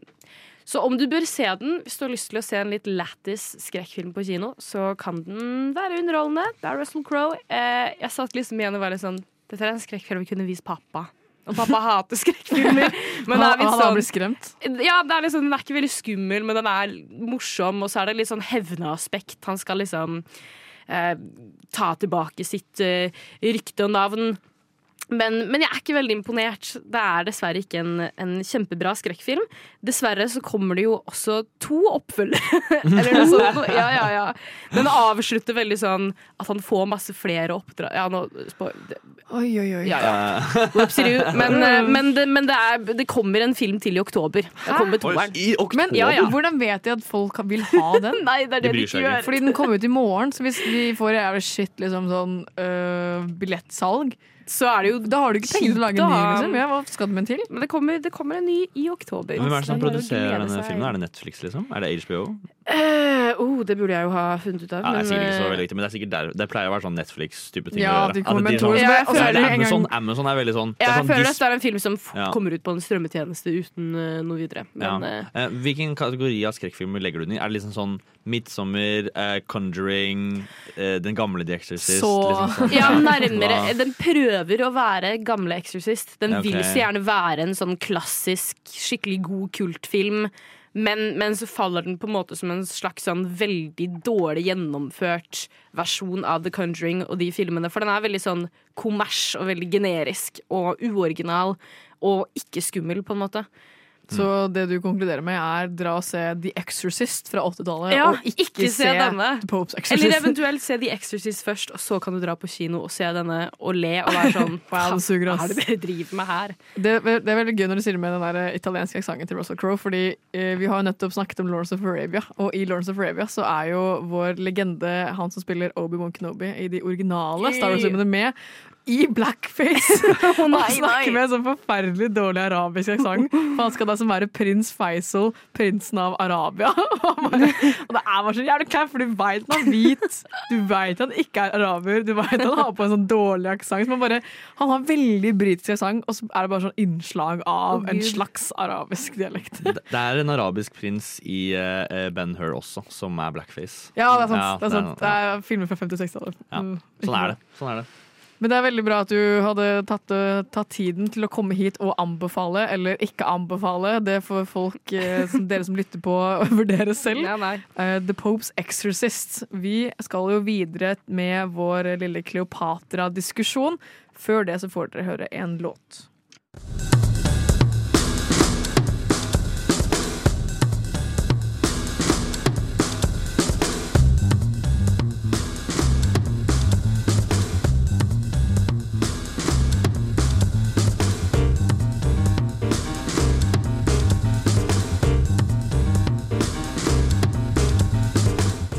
Lytter til Nova Noir hver torsdag 10-12 eller på podkast når du vil. Yes, sir. Yes, sir. Vi skal fortsette vår Kleopatra-diskusjon. Vi takker Astrid for en god anmeldelse. Takk, Astrid. Takk, Astrid. All right, hva tenker vi? Eh, La Lars, jeg, Johannes, var det jeg mente. Det er enten en av oss, i hvert fall. En av dere. Samme det. Hva er det du spurte meg om? Hva syns du? Hva sitter du igjen med etter å ha sett den? Eh, jeg sitter igjen med hodepine. Eh, jeg, hadde, jeg var faktisk skikkelig dårlig i går, og jeg så på alle disse filmene i går. ti Ja, altså, det kan- så ti timefilmer eller noe. da, da, er det, da er det nesten ikke filmen som prater. Ah, det så- Spørsmål, Så du den til sist? Ja, og det og det burde jeg aldri, aldri, aldri For det var så vanskelig å følge med, og det er så mye dialog. Men jeg tror eh, man ofte overvurderer hvor viktig dialogen er. Altså sånn, det, er jo sånn, det, er kult å få med seg alt. Det er kult å liksom skjønne alle tingene som skjer. Alle intrigene, Eh, alt, liksom? Ja, det er gøy det, men det er ikke alltid det går. Og det er ikke så forbanna viktig. Du skjønner veldig tydelig hva som skjer uansett. Altså, det er veldig det er, det er mye dialog, men det er ikke så mye som blir sagt, som er litt sånn typisk for litt eldre mye filmer. chatting av luft, ass, for å si det Mye på god Oslo-slang. Var det smør på flesk, kan Ah, må si? Det, er så, så, som vi prater om, er at liksom, det er bare mye prating. Det er Ja. sånn De går fra et sted til et annet for å prate med, og så prater de der. Men det er sånn, du, du har noen kule sekvenser. Jeg synes jo Det er jo nærmer seg slutten når eh, Mark Anthony er i den leiren sin, våkner opp, og alle er borte. Hans ja, ne- next in command er jo død. Og så bare rir han ut og møter den store hæren som kommer over eh, åssiden. Syns jeg er jævlig tøft. Aleine med ett han, han rir mot de bare 'fight me' og bare sånn Jævlig tøff scene. Og det sånn, jeg skulle ønske mer av filmen hadde den der eh, bravadoen der. da Det er veldig gøy at du nevnte den scenen, for jeg skulle snakke om den, jeg òg. Mm. fordi uh, apropos liksom sånn karakterbygging. Jeg syns jo Ben Hur og Lawrence of Arabia har veldig god karakterskriving av liksom, hovedrollen eller rollene som de har. Men akkurat den scenen til Mark Anthony får meg til å bare være sånn du er en liten drittunge, liksom. Fordi det er, helt, det er kjempekult at han liksom møter denne hæren øh, bare helt sånn face first. Jeg skal ta dere, jeg er aleine, men drit og dra. Men han gjør det jo bare for å dø på en æreverdig måte. Han gjør det ikke fordi han faktisk skal ta et oppgjør med dem og gi det en sjanse. Han går bare rundt og er sånn Er det ingen av dere som vil gi meg en verdig død? Som han fortjener en verdig død! Han har jo bare forrådt hele Romerriket, bare gjort det for. Han har tenkt med det Pappa sa til meg han har tenkt med feil hode. Det er, det er, Og det er veldig gøy, fordi han har ingen rett til å forlange å få en verdig død. Nei, det jeg synes jo det er veldig spennende på at han er liksom, hele filmen når han når Cæsar dør og han blir neste hovedrolle, da, så han og Kleopatra liksom bygger opp Cæsar. Han lever alltid i skyggen av Cæsar. Og han, han er en veldig sånn legendeperson. Liksom, han tenker på liksom, store ting og ambisjoner. og liksom, Det er jo veldig i hans natur å ønske jeg skal ha en verdig død. Jeg har tapt alt. Jeg bare går full kamikaze her. um, Det funka ikke, da. Nei, det fungerte ikke. Jeg syns det er rart at han, uh, han ender opp med å ri tilbake. Er sånn, jeg skjønner egentlig ikke hvorfor han gjorde det hvis han hadde lyst på en verdig død. Eh, og måten han ender opp på å dø på, er jo veldig Skikkelig teit. Altså, ja, For de som ikke eh, orker å se denne eller forferdelig lange filmen, så han ender opp med å knivstikke seg selv, selv i magen. Og så bare Å nei, Kleopatra er ikke død likevel. Så, så klarer han å gå Hvem vet hvor langt denne pyramiden hun er i.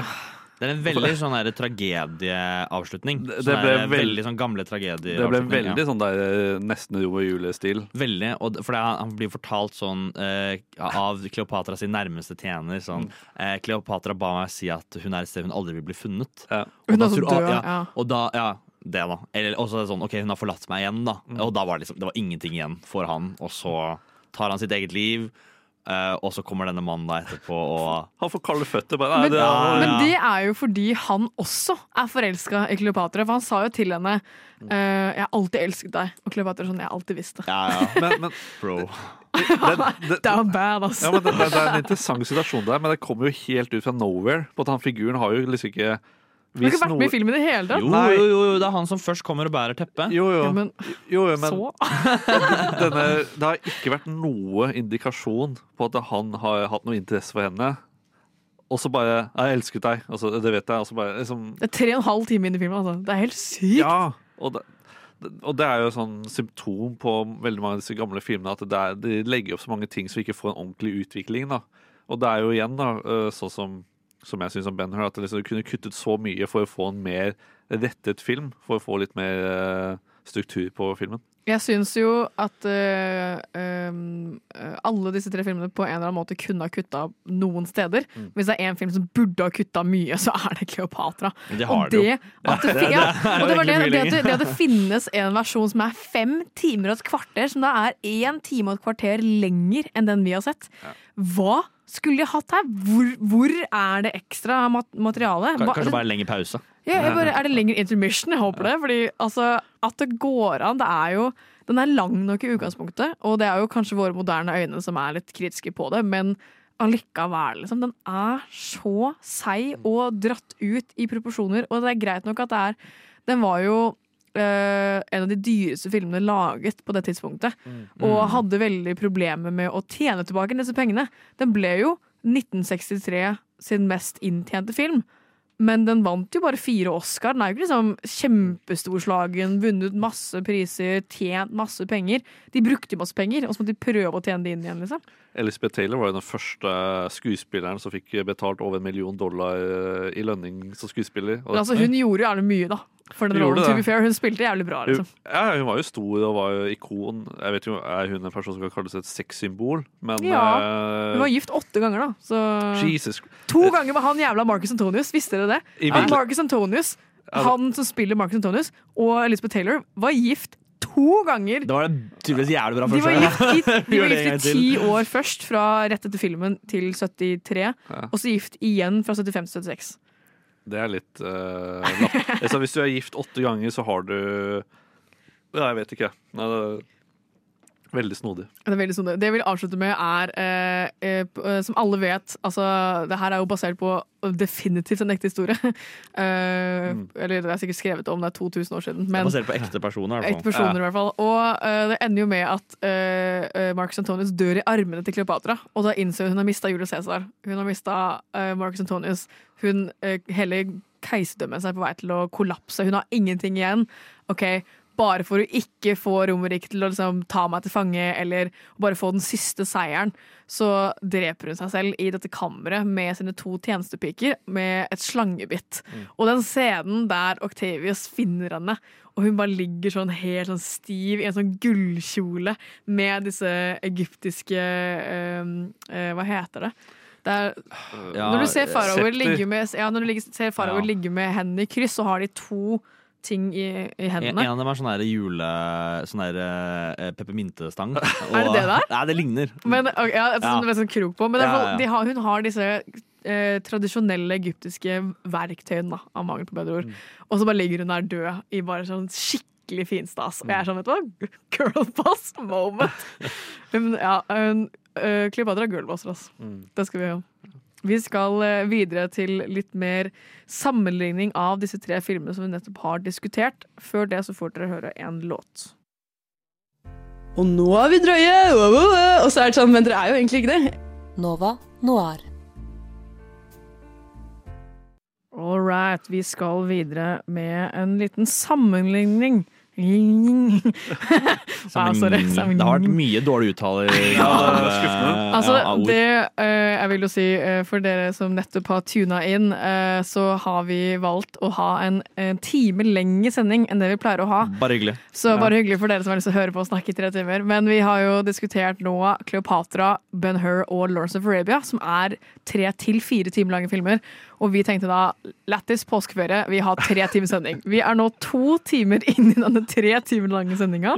Så vi Vi har så vidt begynt. Jeg har så mye igjen å si. Hvis jeg begynner å slurve med orda, så er det bare fordi vi har snakket i to timer. Vi, vanligvis hadde vi vært ferdig nå, men vi er going strong. Vi koser oss. Vi skal nå sammenligne disse tre filmene jeg nettopp, nettopp nevnte.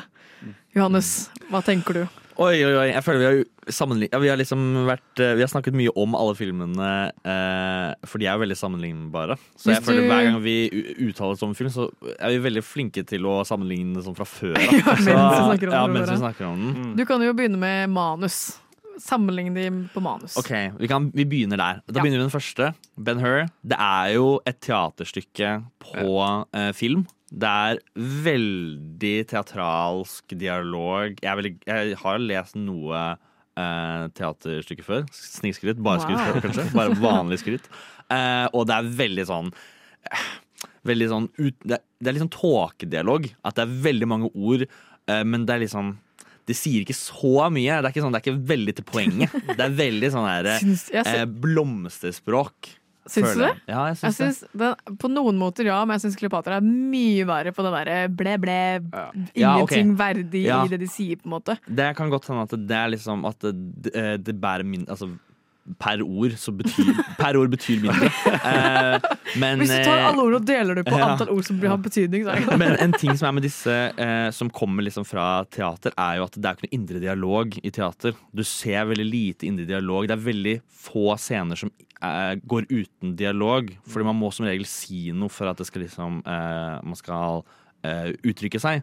Så alt blir liksom uttrykt gjennom eh, dialog, enten til andre personer. Det, det blir ofte sånn monolog istedenfor. Ja. Det blir veldig sånn tell, don't show. Veldig. Det, Og det er jo noe du ser eh, sånn positivt med eh, Lawrence of Arabia. Wow. eh, For, for å tenke den filmen der, da. Sjokk. Er at, eh, liksom, jeg, jeg tenker mye på det at det, mye av tiden av Lawrence of Arabia kunne blitt kuttet ned bare for å fjerne alle reisescenene. Det er veldig mye sånn Mm. panorering av kamera og, og spart mye tid der, da. Men samtidig så hjelper det for å bygge opp denne ørkenen og bygge opp stasjonen. Eh, så jeg syns jo sånn sett da så er Lawrence liksom bedre der, men Ben Hur er jo sånn skrevet bra.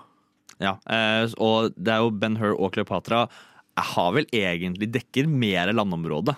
Eh, når det kommer til liksom sånn hva det er Ja, egentlig dekker de mer. Ja, Det er lengre å reise fra Alexandra til Roma enn det er å reise fra Kairo til uh, De krysser til- bare én ørken, liksom. Men, Men du ser det ikke. Du ser, eh, ja, du ser det ikke i Ben Hur og i, i Cleopatra, men i, i Lawrence of Reba så får du sånn herre Du får et veldig sånn perspektiv på hvor gigantisk denne ørkenen er. Da. Ja. for det tar veldig veldig lang tid å reise rundt, og du, ja, det bærer mye vekt av denne reisingen. Ja. Altså, Jeg så så jo den filmen her med pappa, som jeg sa, og han googla hvor lang den ørkenen eh, Når de skal til eh, Akkara Nei, hva heter det? Ja, ja. Akaba. Akaba, Akaba. mener jeg. Den ørkenen fra der de er til Akaba, er 20 29 mil lang. Det er nesten 300 km! Er Og når du først da tenker langt. på sånn Vi satt på hytta. Hytta vår er eh, 15 mil fra Oslo. Det er Tur-retur måtte vi ha gått Ja. for å få dekket samme lengde som de går og drar på kamel.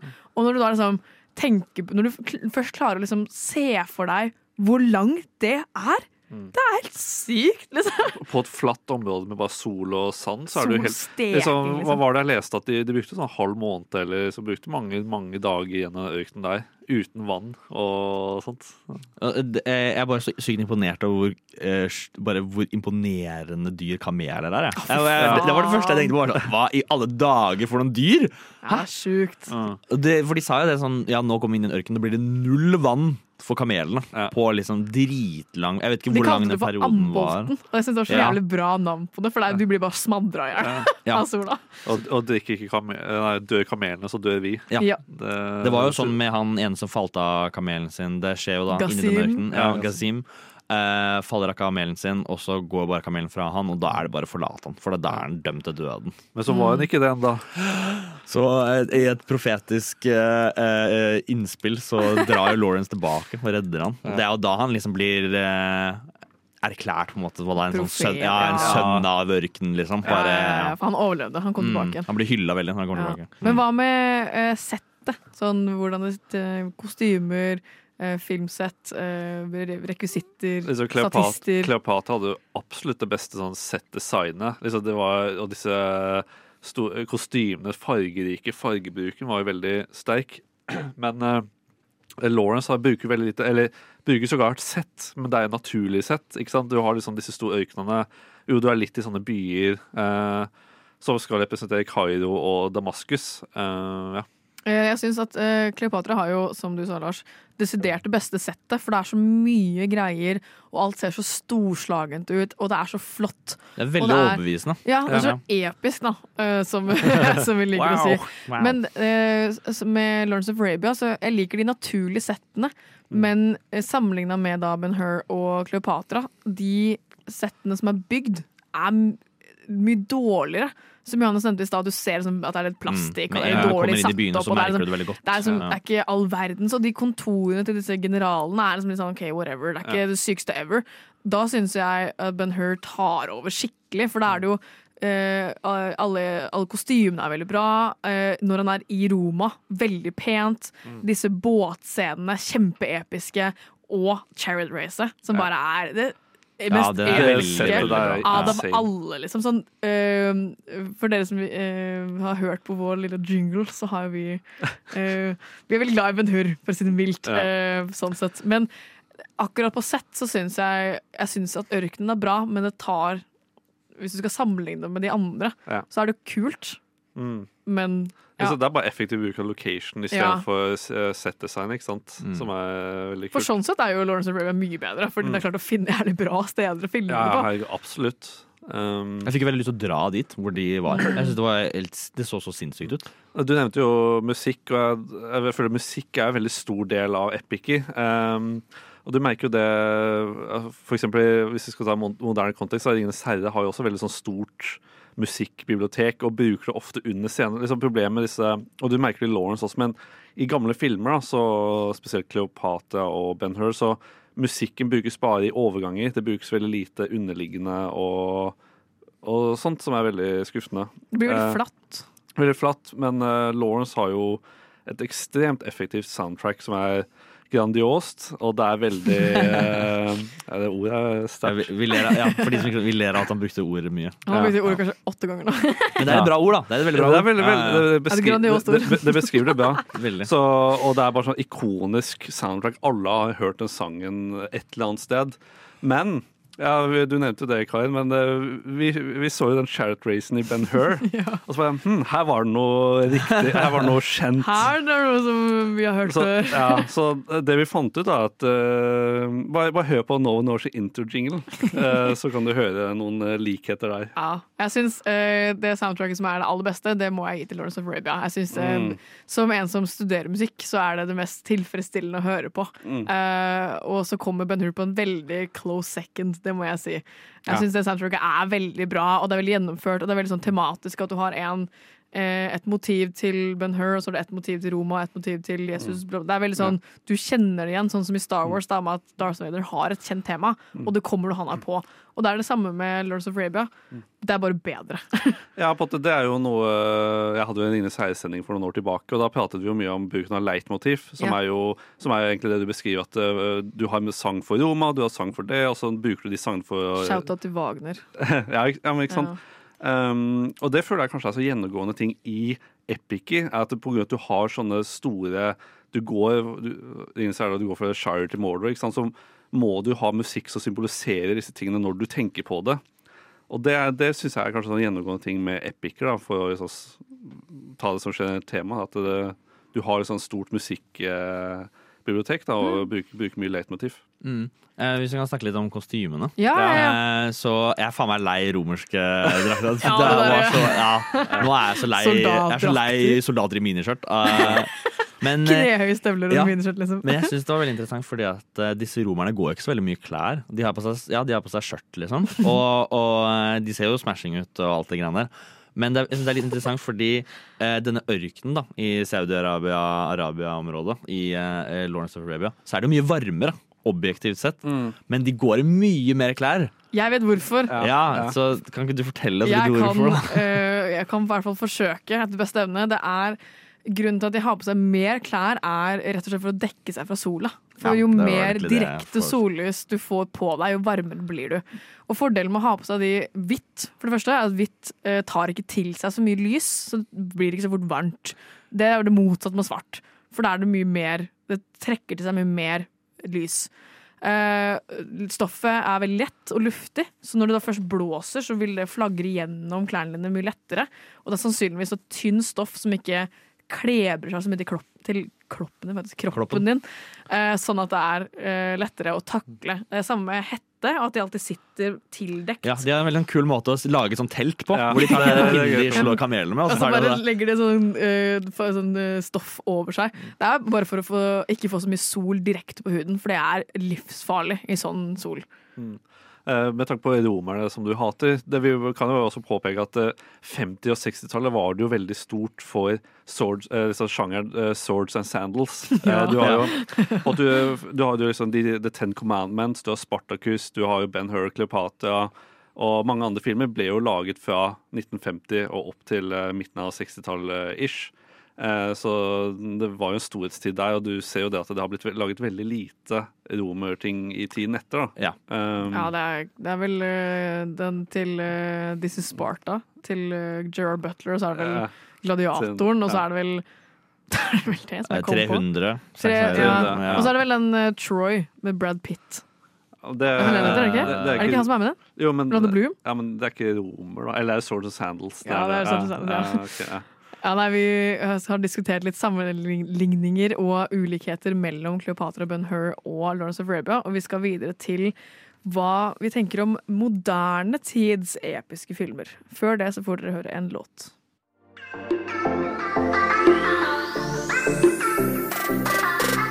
Du lytter til Nova Noir her på Radio Nova.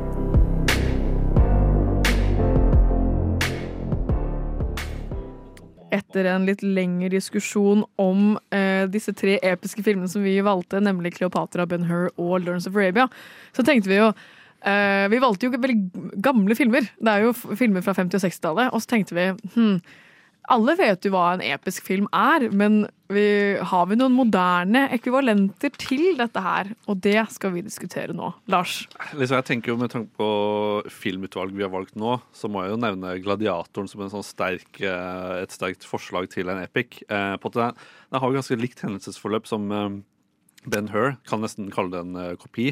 Bare, Ja, faktisk. For at Han starter som vel, velstående romer, og så bare mister han alt. Og så blir han, blir han gladiator og skjemmer seg opp. Um, og det er, det er jo en, Nå husker jeg ikke hvor lang den filmen er, da, men det er jo litt over to timer. To halv, Har ikke sett den. Har du ikke, Hæ? Hæ? Dere, Du har ikke sett Gladiator? Gladiator? Men det, altså, det er, den filmen er altså så utrolig bra. Det er, det er kjempebra. Så, og så mye bra scener. Jeg har veldig lyst til å se den, fordi uh, musikken er veldig bra. Og jeg, og jeg, ja, men, Zimmer, liksom- ja, men jeg uh, Are You Not Entertained er litt sånn, sånn legendarisk replikker, da. Jeg har sett eh, en annen episk film nok ganger til å kompensere. Oh, nei, nei, nei, nei, nei, det er Lars Vestebode, jeg vil argumentere for at her kommer det alle, alle som kjenner meg. jeg Begynner du på A? Ja. Nei, jeg gidder ikke. Jeg gidder ikke. Jeg vil argumentere for at Avatar 1 Nei, er nei, en nei, episk film. nei. Jo, Nei. det er jo Kort det! hendelsesforløp eh, for, få, for få hovedkarakterer. Det er, det er jo ingen hovedkarakter Det er jo ikke Det er jo flere av dem! Nei, det er jo er- er- fire hovedkarakterer. Den er lang, det er mange hovedkarakterer, det er mye som skjer. Den er nyskapende. Det vil jeg absolutt påstå at den er. Det er jo det som jeg syns er uh, mye av det som gjør Lords of Arabia, Ben Hur og Cleopatra til episke filmer, at de er nyskapende filmer. Vi hadde ikke hatt Avatar om den ikke var nyskapende. Og i hvert fall ikke Avatar 2. Den er også, jeg kan si at Avatar 1 er mer episk enn toeren, til tross for lengden. Men begge er jo nyskapende Du kan jo ikke argumentere for at de ikke er nyskapende. Så- Altså Den vannteknologien i den- i eneren som de bruker, og den motion capturing de bruker i, i eneren, er jo bare det gjør den jo episk. Jeg driter om dere liker den eller ikke. Jeg liker ikke Kleopatra, det er fortsatt en, en episk film, men det er en episk film. Johannes, selv om vi er enige, så, jeg, så, så er jeg enig med Ja. Karin at det, det er overbevisende argumenter du kommer med. Og, eh, det er ikke nok. Jeg, Jeg skjønner at folk ikke liker den, at det er blå mennesker og whatever, men det er en Men- objektivt episk film. Men det er jo når du har Nå er det jo lenge siden jeg har sett den, men du, du har en stor verden de er, som skal utforskes. Det er liksom Og så er det for, liksom, Vi kan jo sammenligne litt med Lawrence of Arabia, med at han hovedpersonen blir jo en del av disse Ja. folka i den verden og kjemper mot. Ikke sant? Han har jo, som Lars er glad i å si, en, en reise. Ja, nei, så, nei, jeg er helt enig i at det, Ja. det kan være. Um, Det er en moderne episk film. Mm. Selv om folk ikke liker den, det driter jeg i. Det er jo altså, det er mange andre episke filmer som også er episke filmer, men som man ikke nødvendigvis liker. Mm. Mm. Men kan jeg bare kjapt si, før vi går inn på de mer åpenbare eh, eksemplene Uh, Jeg husker at når jeg så Lawrence of Arabia, så hadde jeg en sånn derre Dette dette er jo Dune. Dette Ja. er jo Du- Dune er en episk ja, film. Nei, men, okay, ja, eh, men det spørs hvor mange filmer det kommer til å bli av den. da men, eh, Den som kom ut nå, da. ja, ja. Eh, Men den er altså så Den, den må ha tatt den, altså boka Jeg vet ikke når boka er skrevet, men eh, ha, 56? Ja, kanskje. Ja. Fordi jeg vet ikke hvem som er eh, inspirert av hvem, jeg. men det er faen meg Der nærmer vi oss eh, Altså, Frank Herbert ga ut boka før Lawrence of 1960, nei, 1965. Ja. Kom boka ut i 1965? Å ja. nei! Så etter Lawrence. Ja, så, jeg så, og der, der ser jeg mye likheter. Mm. Altså. Spesielt sånn, Det poengteres veldig ut sånn der de blå øynene til Lawrence, og det er jo også noe som blir snakket om i Det er sant? Ja, ja, Ja, det, Herregud. Mind blown. Jeg håper ikke hodet deres eksploderte der hvor dere sitter nå. Men eh, Ja, ja, så- det var bare det jeg kom men, på. Men jeg, Dune er jo på en måte en moderne liksom, Nå har jeg ikke lest boken eller sett film to, Hæ? åpenbart. Hva er toeren? Ja. Hæ? Er, du har sett Dune som kom ut i 2021? jeg har 2021? sett, jo, 22? Ja, jeg har sett Ja. eneren, men ikke part to, som Nei, er etterfølgeren. Men den har ikke kommet Nei, det ennå. vet jeg, men det er det jeg prøver å si, da. oh, ja. Men sånn, sånn, sånn, poenget mitt er at det, sånn som jeg ser Ja. Dune nå, så virker jo det til å bli en epic, den òg. Men øh, Jeg kommer til å komme en Det her er igjen en film som folk ikke liker, men som er episke filmer. Og det er Avengers Endgame og Infinity War. Ja, okay, da. Og det Ja. er jo det. Selv om Mm, ingen av oss liker disse filmene, merker jeg på reaksjonene Men det er jo Man kan jo argumentere for at det er episke filmer. Det er jo stort cast, det er masse som skjer, det er jo lange filmer. Det var jo masse hype når de kom ut. Det er jo jeg, Moderne episke filmer. jeg er helt enig. Avengers og egentlig Marvel-universet 50 da er jo Sammenhengen er jo en stor epic. Det er det det. er absolutt. Eh, men jeg må jo nevne den åpenbare åpenbare. Uh, dere vet jo hva jeg kommer til å si Ja, ja, nå. Og det er jo Ringenes herre. Ja! Det, det er jo Jeg, jeg vil jo si at det er nesten enda mer enn Lords of Arabia definisjonen på en epic. Mm. På at det er en så stor wait for it, reise.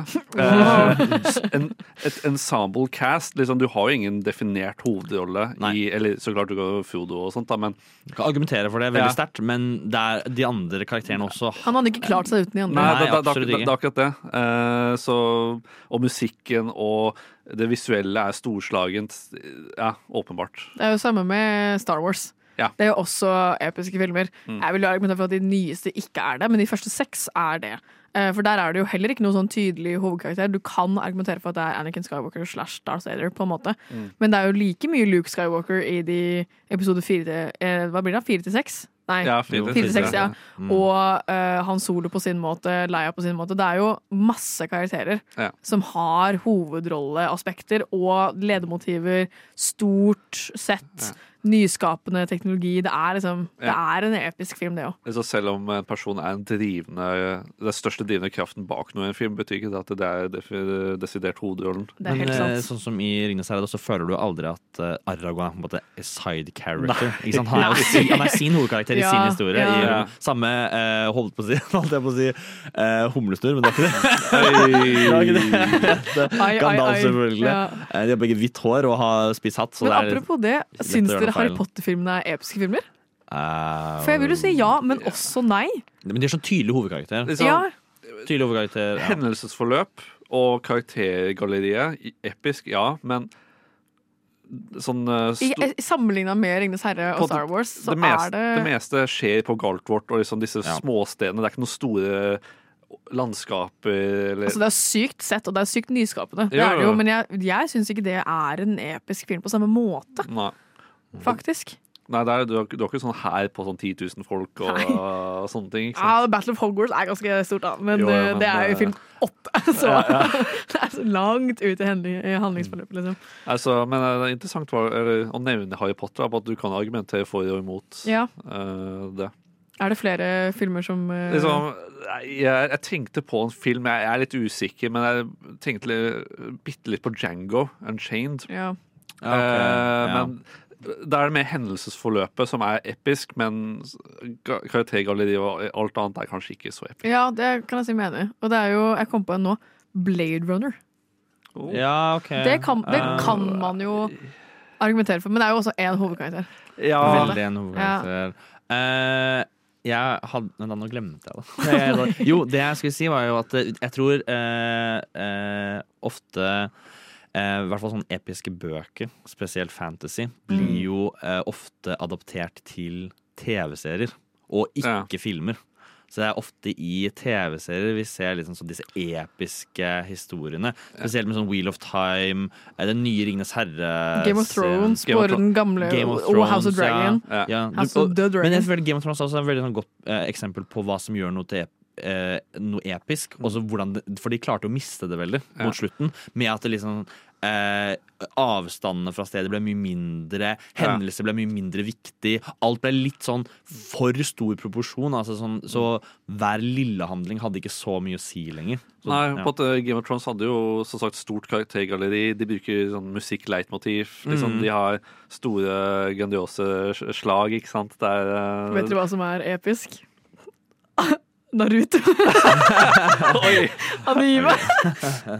altså, med alle de argumentene vi har brukt nå, så kan man jo argumentere for liksom at One Punch Man, Naruto, uh, hva mer er det? Uh, whatever. Store Store anime-serier er jo litt Men- men det det Attack on Titan. Ja, Det er en episk Ja, serie. det- Med de argumentene vi har brukt nå, så er det det, på en Men, måte. Liksom, Kjæresten min kom med et så interessant argument med at med, veldig mye anime og manga Mm. skal alltid, du skal bli best i noe. Du, du, du, du skal, al- det skal alltid være noe stort. Det skal alltid, du kan ikke ha noe sånn mediocre og akseptere. Det skal alltid bli stort, best, størst. Ikke sant? Ja, for det er ofte det er veldig sånn personlig. Da. Jo, det er veldig sånn personlig så klart det er veldig ja. personlig, men jeg føler det har liksom Men det er aldri sånn én hovedkarakter. Eh, med One Punch Man, for det er det, er han som er One Punch Man. på en ja, måte. in, ing, ja. Mens i Attack on Titan er det jo ikke én hovedkarakter. I Jojo's Bizarre Adventure, for det som har sett det, så er det ikke én. Um, Onepiece har jo stort karaktergalleri, det. ja. Det, det, det, var det jeg glemte. Det var den jeg glemte. Ja. Takk. Ja, for jeg føler den uh, kryssa flere Ja. bokser for meg når det kommer til liksom epics. Ja, så. Onepiece er kanskje en av de mer epike Det er veldig gøy at vi har faktisk klart å trekke inn all vei i det her. Altså. Uh, men eh, eh, eh, en ny film som kom for litt siden, er, det er jo The Irishman. Har dere sett Syns du den er Nei, det er det jeg skulle spørre nå. Hva syns dere? For den er jo fire timer lang. Og den, er, den, den baserer seg på Det er jo, eh, går jo over et helt livstid. En hel livs... Et, Det gjør Benjamin Button hel- også. Ja, er. Den er mer episk, syns Ja, ja. jeg. Ja, kanskje. kanskje, kanskje. Men er det, vi- det er litt mer sånn viktige karakterer. Men nei, nei, det var mer sånn om hva dere syns. Da. jeg ser hva du mener. helt, eh, ja. Vi skal videre til uh, framtiden for episke filmer, men før det så får dere høre en liten låt.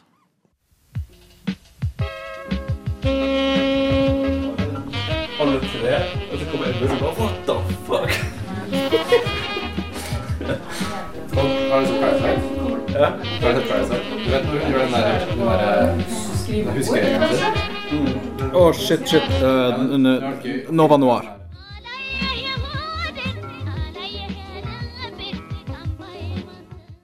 All right, vi skal da videre til framtiden til episke filmer. Lars, hva tenker du er framtiden? liksom, Når man tenker episke filmer og de klassiske gamle, så tenker du ofte mange statister, store bygde sett og liksom mye ressursbruk. Um, men så har du sett i moderne filmer, og spesielt i og sånt, at det liksom ble mer og mer CGI utover filmene utover som årene har gått. Um, føler dere at uh, minsken av ekte elementer og økningen av CGI gjør en film mindre epic? Jeg syns det. Eh, jeg savner jo veldig når det er liksom gode locations, eh, god settbygging, en slags nærhet til eh, filmen som CGI tar vekk. Eh, For det blir jo veldig sånn når det står to mennesker og snakker til hverandre ansikt til ansikt, og så står de liksom på en måne i verdensrommet, så blir jeg sånn Det her kan jeg ikke kjenne meg igjen i, på en måte. Mens et godt bygd sett med mye rekvisitter og, eh, og sånt er mer virkelighetsnært for meg, og jeg føler meg mer liksom, kobla på de menneskene og den storyen når det er det, framfor Uh, masse CGI og masse effekter, og i hvert fall hvis det er dårlige effekter i tillegg. Mm. Da blir jeg sånn åh. En, Ja. en ting jeg har lagt merke til i med, når du bruker CGI, er at du ser liksom du, du ser liksom ikke dybden i settene. Du merker det spesielt når du bruker The, The Volume, som er den 3D-skjermen som Mandalorian som bruker. At du ser jo du ser veldig lite at folk går innover et sett uten å klippe, da, så Ja. klart.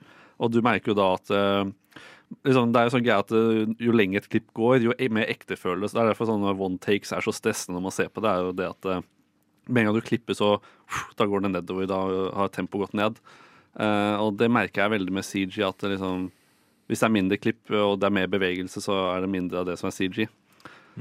Ja, jeg vet ikke, jeg, jeg tenkte litt det samme som, uh, som eh, deg, Karin. At eh, um, eh, når, når, når noe ser ikke ekte ut, så tar det meg veldig ut av det. Mm. Eh, og det var det som var litt kult i disse filmene, var at alt så veldig ekte ut. I hvert fall flesteparten av stedene. Selvfølgelig Noen ganger så var det liksom eh, I hvert fall i Lawrence of Riva så eh, eh, var det jo Det var jo ekte, det som var det. Mm. Det var jo ekte locations.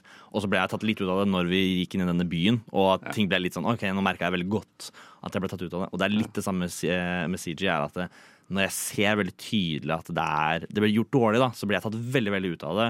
Og det ødelegger litt den der episke skalaen, kanskje. Ja. For det jeg liker med eh, Kleopatra og Ben-Hur spesielt, er at de har Man ser jo at det er malt i bakgrunnen, at det er en vegg som noen bare har malt, men den malinga er så imponerende Det det. i seg selv at jeg gir liksom litt blaffen i det, på en måte.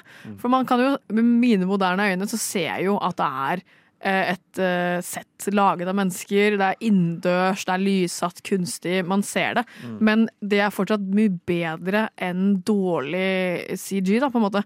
For det, den, det å lage de bildene som er i bakgrunnen, er for det første sykt imponerende. Og det bare skaper en, en mer sånn troverdig scene, da. Jeg tror den beste sammenligningen mellom eh, god CG og dårlig CG og mer bruk av praktiske elementer og mer bruk av CG, er jo Ringenes herre versus Hobbiten. Ja, Ja, absolutt. Eh, Du, du, du ser jo åpenbart eh, at det, det er CG som har aget dårlig i Return of the King. Da, da ser du litt sånn at det er mye green screen, men generelt sett altså, så merker du at det er ganske bra. Men så har du jo Hobbiten, da, som hadde jo sine produksjonsproblemer. Um, Mm. Det kan jeg prate om veldig lenge. Men uh, Så de måtte bruke mer CG istedenfor praktiske elementer, og det merker man veldig godt. Du merker at det, det er mindre som føles ekte, og mer som føles uh, grønt. For det, si sånn. ja, det så man veldig tydelig i Star Wars. uh, for det, har jo vært, det er jo tre triologier ute nå av Star Mm. Wars. Og i den første så er det veldig mye praktiske elementer, for CG var jo veldig Det var på begrenset. 70-tallet. Ja, Ja. på 70-tallet. Eh, også i eh, episode 1, 2, 3, som kom liksom på tidlig 2000-tallet, Mm. så ser man at de har bare et overbruk av Og hele verden er bare dau. Altså, jeg så jo episode 1, 2, 3, 4, 5, 6. Ja. Og da episode 3 er, eh, var da den nyeste, og episode 4 var den eldste. Ja. Og det å gå fra det, den liksom, teknologiske CG-verden til practical effects, alt er veldig gammelt. Det, var, det var så vanskelig, vanskelig, Ja. liksom. Men eh, det er bare det jeg skulle si helt til slutt med det, er at i den siste trilogien Mm. til Star Wars, så har de gått tilbake på og brukt mye praktiske effekter Ja. for at det skal være en eh, litt sånn mer immersive Mye dukker verden. og Mye dukker, Yoda-dukken dukker jo. Ja. Ja. Så det er litt mer sånn De har gått veldig tilbake på, da. Så det er en god blanding istedenfor. Bare for å presisere overbruken av CG i episode 1, 2, 3 av Star Wars. Hvis jeg husker riktig, så alle klonene dere ser i disse rustningene, er CG. Jeg tror ikke det ble laget en eneste klonerustning til hele filmen praktisk.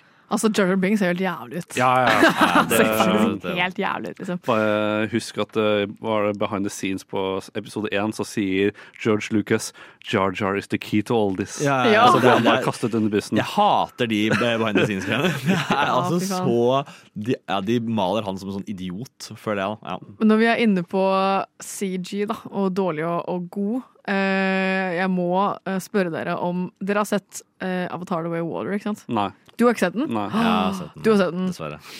Syns du, bortsett fra Nå er det bare det tekniske og Ok. hvordan det ser ut. Syns du det ser realistisk ut, eller syns du det ser kunstig ut? Ja, det ser jo veldig bra ut. Og jeg tenkte ikke så mye på det når jeg så den, så bare da For der er jo det sinnssykt bra CG. Ja, jeg tok det veldig for gitt hvor bra det var. Ja, det for er- jeg. altså, det at de liksom Altså, det er blå aliens, hva skal man, hva skal man forvente, liksom? Men det alle eh, vannsekvensene og undervannsscenene og hvordan de beveger seg i forhold til hverandre Jeg vet ikke om dere har sett noen sammenligning av den første avatar og den andre avatar.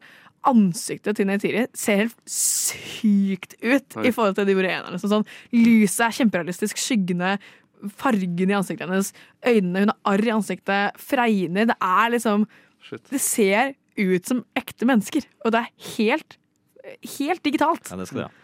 Eh, Nå vet ikke jeg, Så dere noensinne den Warcraft-filmen som kom ut i 2016? Nei. Eh, Oi, på at, eh, nei. Den hadde en ekstremt bra CG. Liksom CG-en der var dritbra, men så har du på motsatt side så har kostymene til menneskene var veldig dårlige. Liksom, menneskedelen av filmen var helt forferdelig, mens uh, CG var dritbra. Og jeg syns det er veldig spennende at det ja, kan være Hva- omvendt. Men hva tror dere er framtiden, da? Eh, nå som vi har snakket mye om CG og hvor mye vi ikke liker det, liker det. Hva tror dere liksom Hvor er vi på vei hen, Johannes? Eh, jeg, er jo, jeg er ikke så veldig glad i uh, lange filmer generelt, men når det først kommer til liksom sånn Ringenes herre-skala-filmer, så syns jeg det er veldig passende.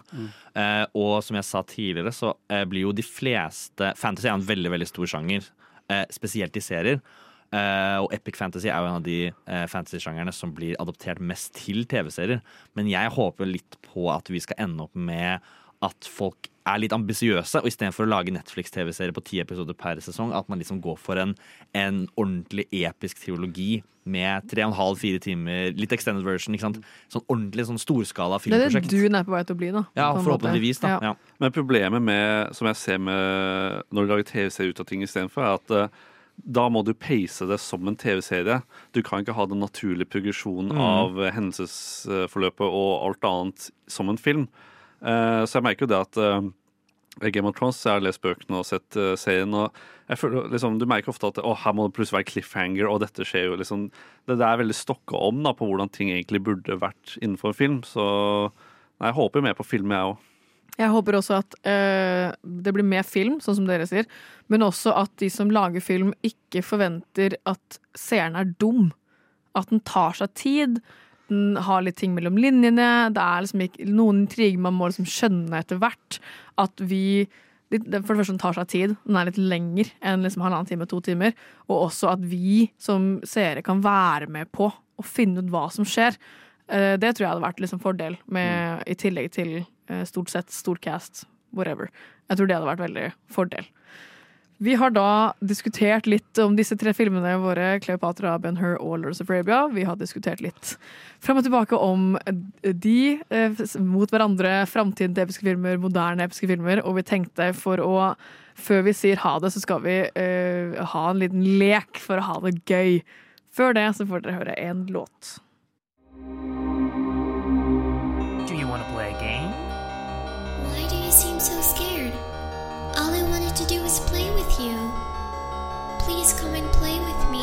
Let's play a game! Som dere kanskje skjønte, så skal vi nå over til å ha en liten lek, for det er gøy, for nå har vi hatt masse prat.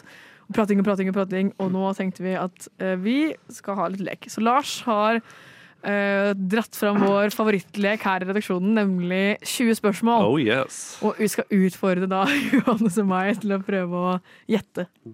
Så ja, da bare still spørsmål. Og hvis dere, ikke, hvis dere begynner å stamme litt eller slite litt, så kanskje jeg kan hjelpe til litt. Skal vi fram til en film? Er det liksom det? Ja, bare, ja. Gjett, Vi er ikke på lag, ikke sant? Eller er vi på lag? Dere får føle på det sjæl. Hva tenker du? Nei, vi er faen ikke på lag. det er blodig, greit. blodig krig. Ja, altså, faen. Ja, klokka går, så bare still spørsmål. Uh, uh, er, det, er vi i actionsjangeren? Uh, ja, jeg vil si det. Delvis. Er det en amerikansk film? Ja. Ja, Johannes. Um, uh, etter 2000-tallet? Eh, nei. Ehm, er det uh, actionfilm som er en sånn psykologisk thriller-actionfilm? Nei. Ok. Uh, shit, dette er vanskelig. Jeg har ikke gjort det her så mye før. Det, det virker som dere er litt drevne på det. Um, Jeg kan, jeg kan nevne at jeg har faktisk nevnt filmen tidlig i denne sendingen. Å nei! Men vi har nevnt Eh, mange filmer. Så. Ja, det var Det er det. veldig eh, mange filmer. Eh, å, du gjorde det nesten verre, for nå synes jeg det var vanskeligere å finne Er den eh, fra 80-tallet? Nei. Å, ta en til sånn, da. Er den fra 70-tallet? Nei. Er den fra 90-tallet? Nei. Hva? Da er det et eller annet fra 50-60-tallet. Ja, og så har det, jeg nevnt det før. Uh, Um, hva? Det er eh, 60-tallet. 60-tallet? Uh, eh, 60-tallet. Shit, dette er bra radio. Eh, uh, jeg på. Um, jeg prøver å tenke Det er fra Kan si at det er fra en av mine favorittregissører.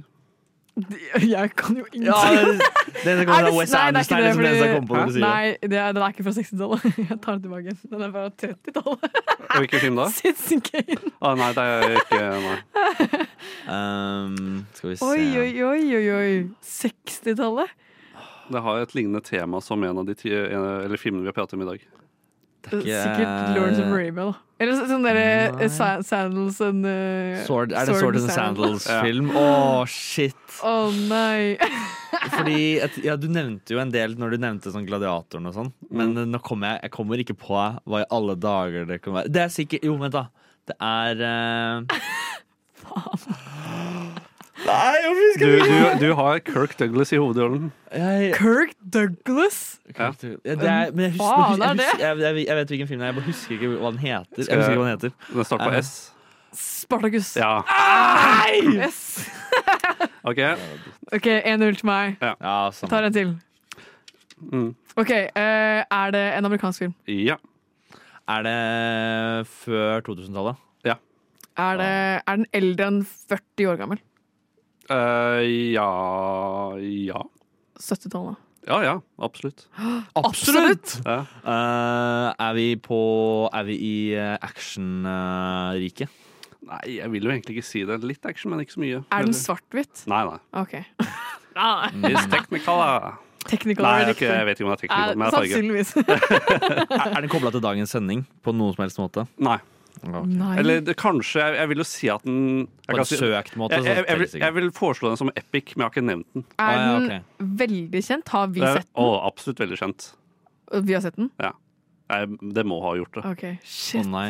uh... Ikke svart-hvitt, episk film. fra 70-tallet nedover. Nei, før det. Det er fra 70-tallet. Er det fra 70-tallet? Ja, Å ja, det- det er fra 70-tallet. Oh, ja. ja, ja. OK. ok Eh, håper dere der hjemme også er med på dette. Å, Har mange legendariske skuespillere. Altså Star Wars episode 4? Nei, Nei. den er fra Jeg tror da, Vi hadde jo snakka om den. Så da hadde sagt det. Um, Den, er, den er satt i ekte verden. Den ekte verden, legendariske skuespillere, 70-tallet. Uh, er, det, er det noe romantic drama? Nei. Er det- er den originale Dune? Nei, det er fra 80-tallet. Ok, Faen, sant, det, det, det var ok, 84. Et hint til. Det er en del av en trilogi. En trilogi fra 70-tallet? Oi, oi, oi, oi, oi. Er det Det var spennende regissør. Oh, ja, ja, selvfølgelig. Det er jo eh, Er det, er det mennesker med italienske dialekter i eh, Ja, er det gudfaren? det, det er jo det er jo en epic. Ja, Det er en epic. Det er, Det er faktisk, det, er det som var det. Det er sjukt at vi ikke har snakka om det, Vet du faktisk. hva, gudfaren? Sorry, Daniel, som elsker gudfaren. Ja, Vi er helt med deg. research sikkert stolen, men jeg har en film til, og Ja, den, her, må- den her må dere klare. Ja, ok. Er den fra eh, etter 2000-tallet? Mm, ja. ja takk. Er det en Eh, eh, animert film? Nei. er, det, er det en actionfilm? Jeg spurte hver gang, ja. men jeg føler det er liksom Det er så Ja. tydelig skille. Ja, det, jeg vil jo si at det er action i filmen. Ja. Det er en actionfilm. Det er action, ja. action-temafilm. på en det, måte. det, det, er, Ja. det er kamping og sånt og slåssing. Er det The Christopher Nolan som er regissøren? Nei. Ok. Eh, er det Tom Hanks i hovedrollen? Nei, absolutt ikke. Driver han actionfilmer? Uh, Private Ryan? Ja, faen. Men det var 90-tallet. Å, fuck. Ja, Ok, så- whatever. whatever. Um, Um, er, det, er det en historie om liksom en en, eh, eh, historisk tid? Sånn, er det satt i første verdenskrig? Er det satt i romertiden? Er det middelalderen? Det er ikke satt i virkelig, virkelig verden. Ikke i virkelig verden. OK, da ble det plutselig vanskeligere. Er det en del av en trilogi? Ja. Åh. Det er ikke bare Ringenes herre 1, da. Jo, det er Fellowship of the Ring til og, til og med det første jeg valgte.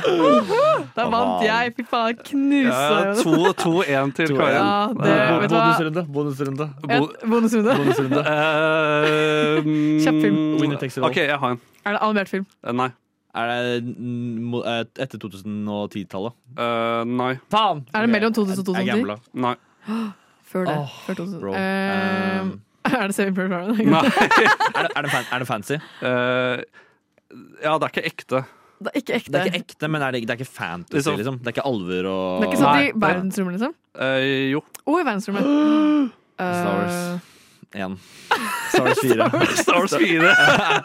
Faen, det Det var A New Hope. Ja, Ja. riktig. Så er episode 4. Ja, men så da- da, ble det 2-2, da. Nei, Det det var- det var winning takes it all. Nei, det, det vant jo. nei, nei. Alle var enige i reglene før vi begynte. Så Det er Ok, to- så, så, så ja, det spørs hvordan jeg har lyst til om Kain vant, eller om det ble likt. Jeg syns det ble likt. Ja. Påske, påskeglede her. Påskeglede. Ja, Typisk at du eh, du som trodde du skulle vinne, syns at det ble likt når du først ble Jeg vant jo først! Det. Du kom jo bare likt. Jeg Ja, vant jo først. Ja, Så men jeg med, sånn sett. Nei da. Vi koser oss med lek, det er alltid gøy. Vi skal si ha det bra om litt, men før det så får dere høre en låt.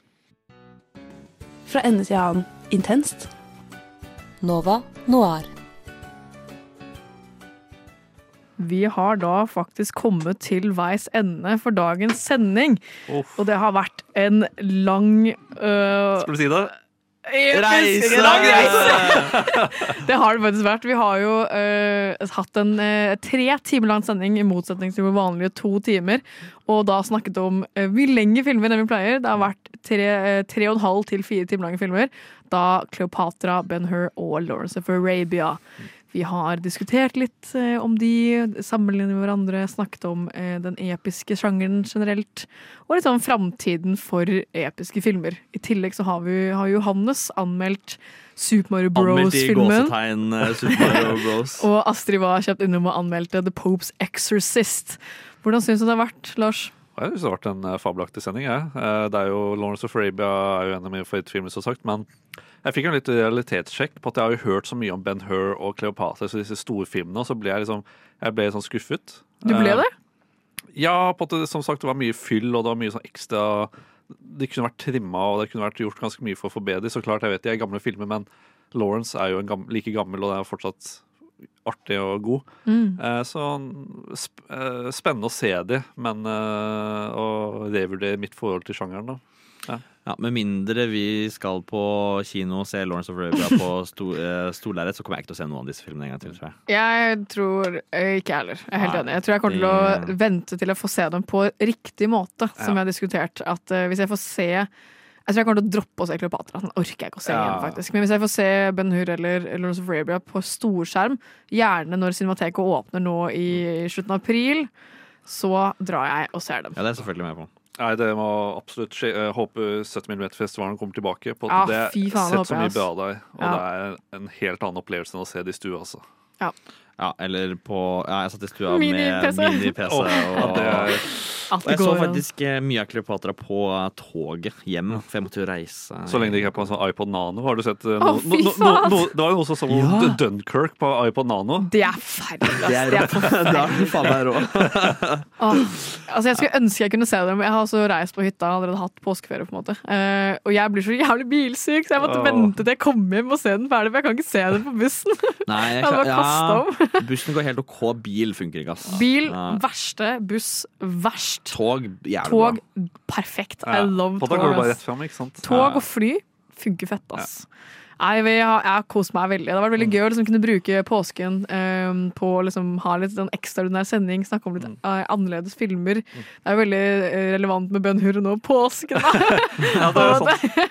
Men Ja. eh, nei, jeg syns det var veldig gøy. Hva tenker du, Johannes? Eh, det har vært en veldig hendelsesrik episode, eh, så jeg har kost meg veldig. Det har vært mye som har skjedd. Mye inn og ut av folk og Nei, jeg vet ikke, det har vært gøy. Det er, min andre, det er bare min andre sending. Hæ, er det Det det? er bare min andre sending. What? Ja. Starter Dere er alle, sterkt. alle er overraska over hvor utrolig bra Ja, du var så flink. Altså, Ja, sykt. Kan man si at du er en sånn epic host? Det har jo vært en epic episode, da. Var det en lang reise for oss alle? ja, mange hovedkarakterer over eh, lang hendelses... Uh, Ja, ja. Tatt på oss et bredt spenn av filmer. Og, Absolutt. Ja, ja. Så, Ja, en episk episode. Helt korrekt. Vi er jo tilbake igjen som vanlig til vanlig tid klokka ti neste torsdag. Og da skal eh, blant annet Johannes snakke Ja. om sportsfilmer, Ja, var det det? det blir sports, eh, sportstema på filmene. Å, Så Har det, tar det Moneyball? Eh, jeg kan si nå at vi tar ikke Moneyball. Selv om det er en Ja, av mine, ja, det er en av mine favorittfilmer. Den så, Jeg liker den så godt. Daniel på i går. Han? Faktisk. Den, den er altså så bra. Og det er litt sånn, hvis jeg kan komme med litt fun fact Vi har for så vidt eh, fire minutter på å komme med litt fun facts. Og det er at uh, jeg så en interessant video her om dagen hvor det er jo Brad Pitt som spiller hovedrollen i Moneyball. Mm. Og han snakker berømt veldig mye i filmene sine. Eh, og han spiser Twinkies i, i Han Moneyball. smatter. Nei, det det? spiser Twinkie. Oh, ja, han han det. snakker. Snakker. Snakker. Ja, han spiser veldig mye Han, i, eh, eh, i filmene sine. eh, hva heter det når man er sånn fysen? Ja, han er mye Ja, fysen, veldig fysen. Eh, og om det er han som bare har lyst til å spise ting, og så bruker da eh, filmbudsjettet for å få seg det, det vet jeg ikke. Men eh, i hvert fall han, han spiser veldig mye i filmene sine. Og det var en, en video som eh, sammenligna filmer han spiste i. Og hvor mye han spiste. Og jo mer han spiste, jo bedre gjorde filmene det. Så, og Tarantino Det gjør jo en sånn skikkelig sjukt. big deal ut av dette på, eh, i Once Upon a Time in Hollywood. Mhm. Hvor eh, Brad Pitt spiller eh, en av de to hovedkarakterene. Og eh, da er det en hel scene, en sekvens, da, eh, dedikert til at han lager og spiser eh, back and cheese. Er For å liksom bare ja, ja, understreke at eh, her spiser han mye. Han spiser mye i denne filmen. da Så det er en litt interessant fact for dere. Så se, følg med på det neste gang dere ser en eh, Brad Pitt-film. Mm. Men neste uke så blir det da en eh, sportssending. Sportssending, ja. Det blir veldig spennende, og vi er jo som vanlig tilgjengelige både på Instagram, det er at novanoir993, og Facebook. Så hvis dere har lyst til å få litt eh, oppdatering på hva vi gjør utenfor sending, hva vi gjør under sending, og litt forskjellig, så er det bare å følge oss der. ja Sosiale medier-gamet vårt er på on point. Ja, det begynner å bli bedre. Ass. Det begynner å bli bedre. Vi skal prøve vårt beste, for vi er jo preget av litt uh, eldre mennesker i vår redaksjon. Wow. Er det Eh. Ikke meg, Wow. Ja, da. Men uh, jeg, altså, jeg er forferdelig på sosiale medier. Jeg har blitt sosiale medieransvarlig for praksisplassen min, og jeg skjønner faen meg ikke en dritt. Så jeg er inkludert i dette her. Du får bare lage kan sånn ingenting. TikTok hvor du danser og viser fram et eller annet. Ja. Så, så jeg skal ikke si noe på meg. Men uh, vi har i hvert fall kost oss veldig mye. I dag så har jeg hatt meg Lars Benskam. Johannes Bjørang, følg meg på Instagram. Eller Yes. out. og meg, Karin Grette. Også vært meg på teknikk. Vi ses igjen neste uke. Ha det bra! Ha det!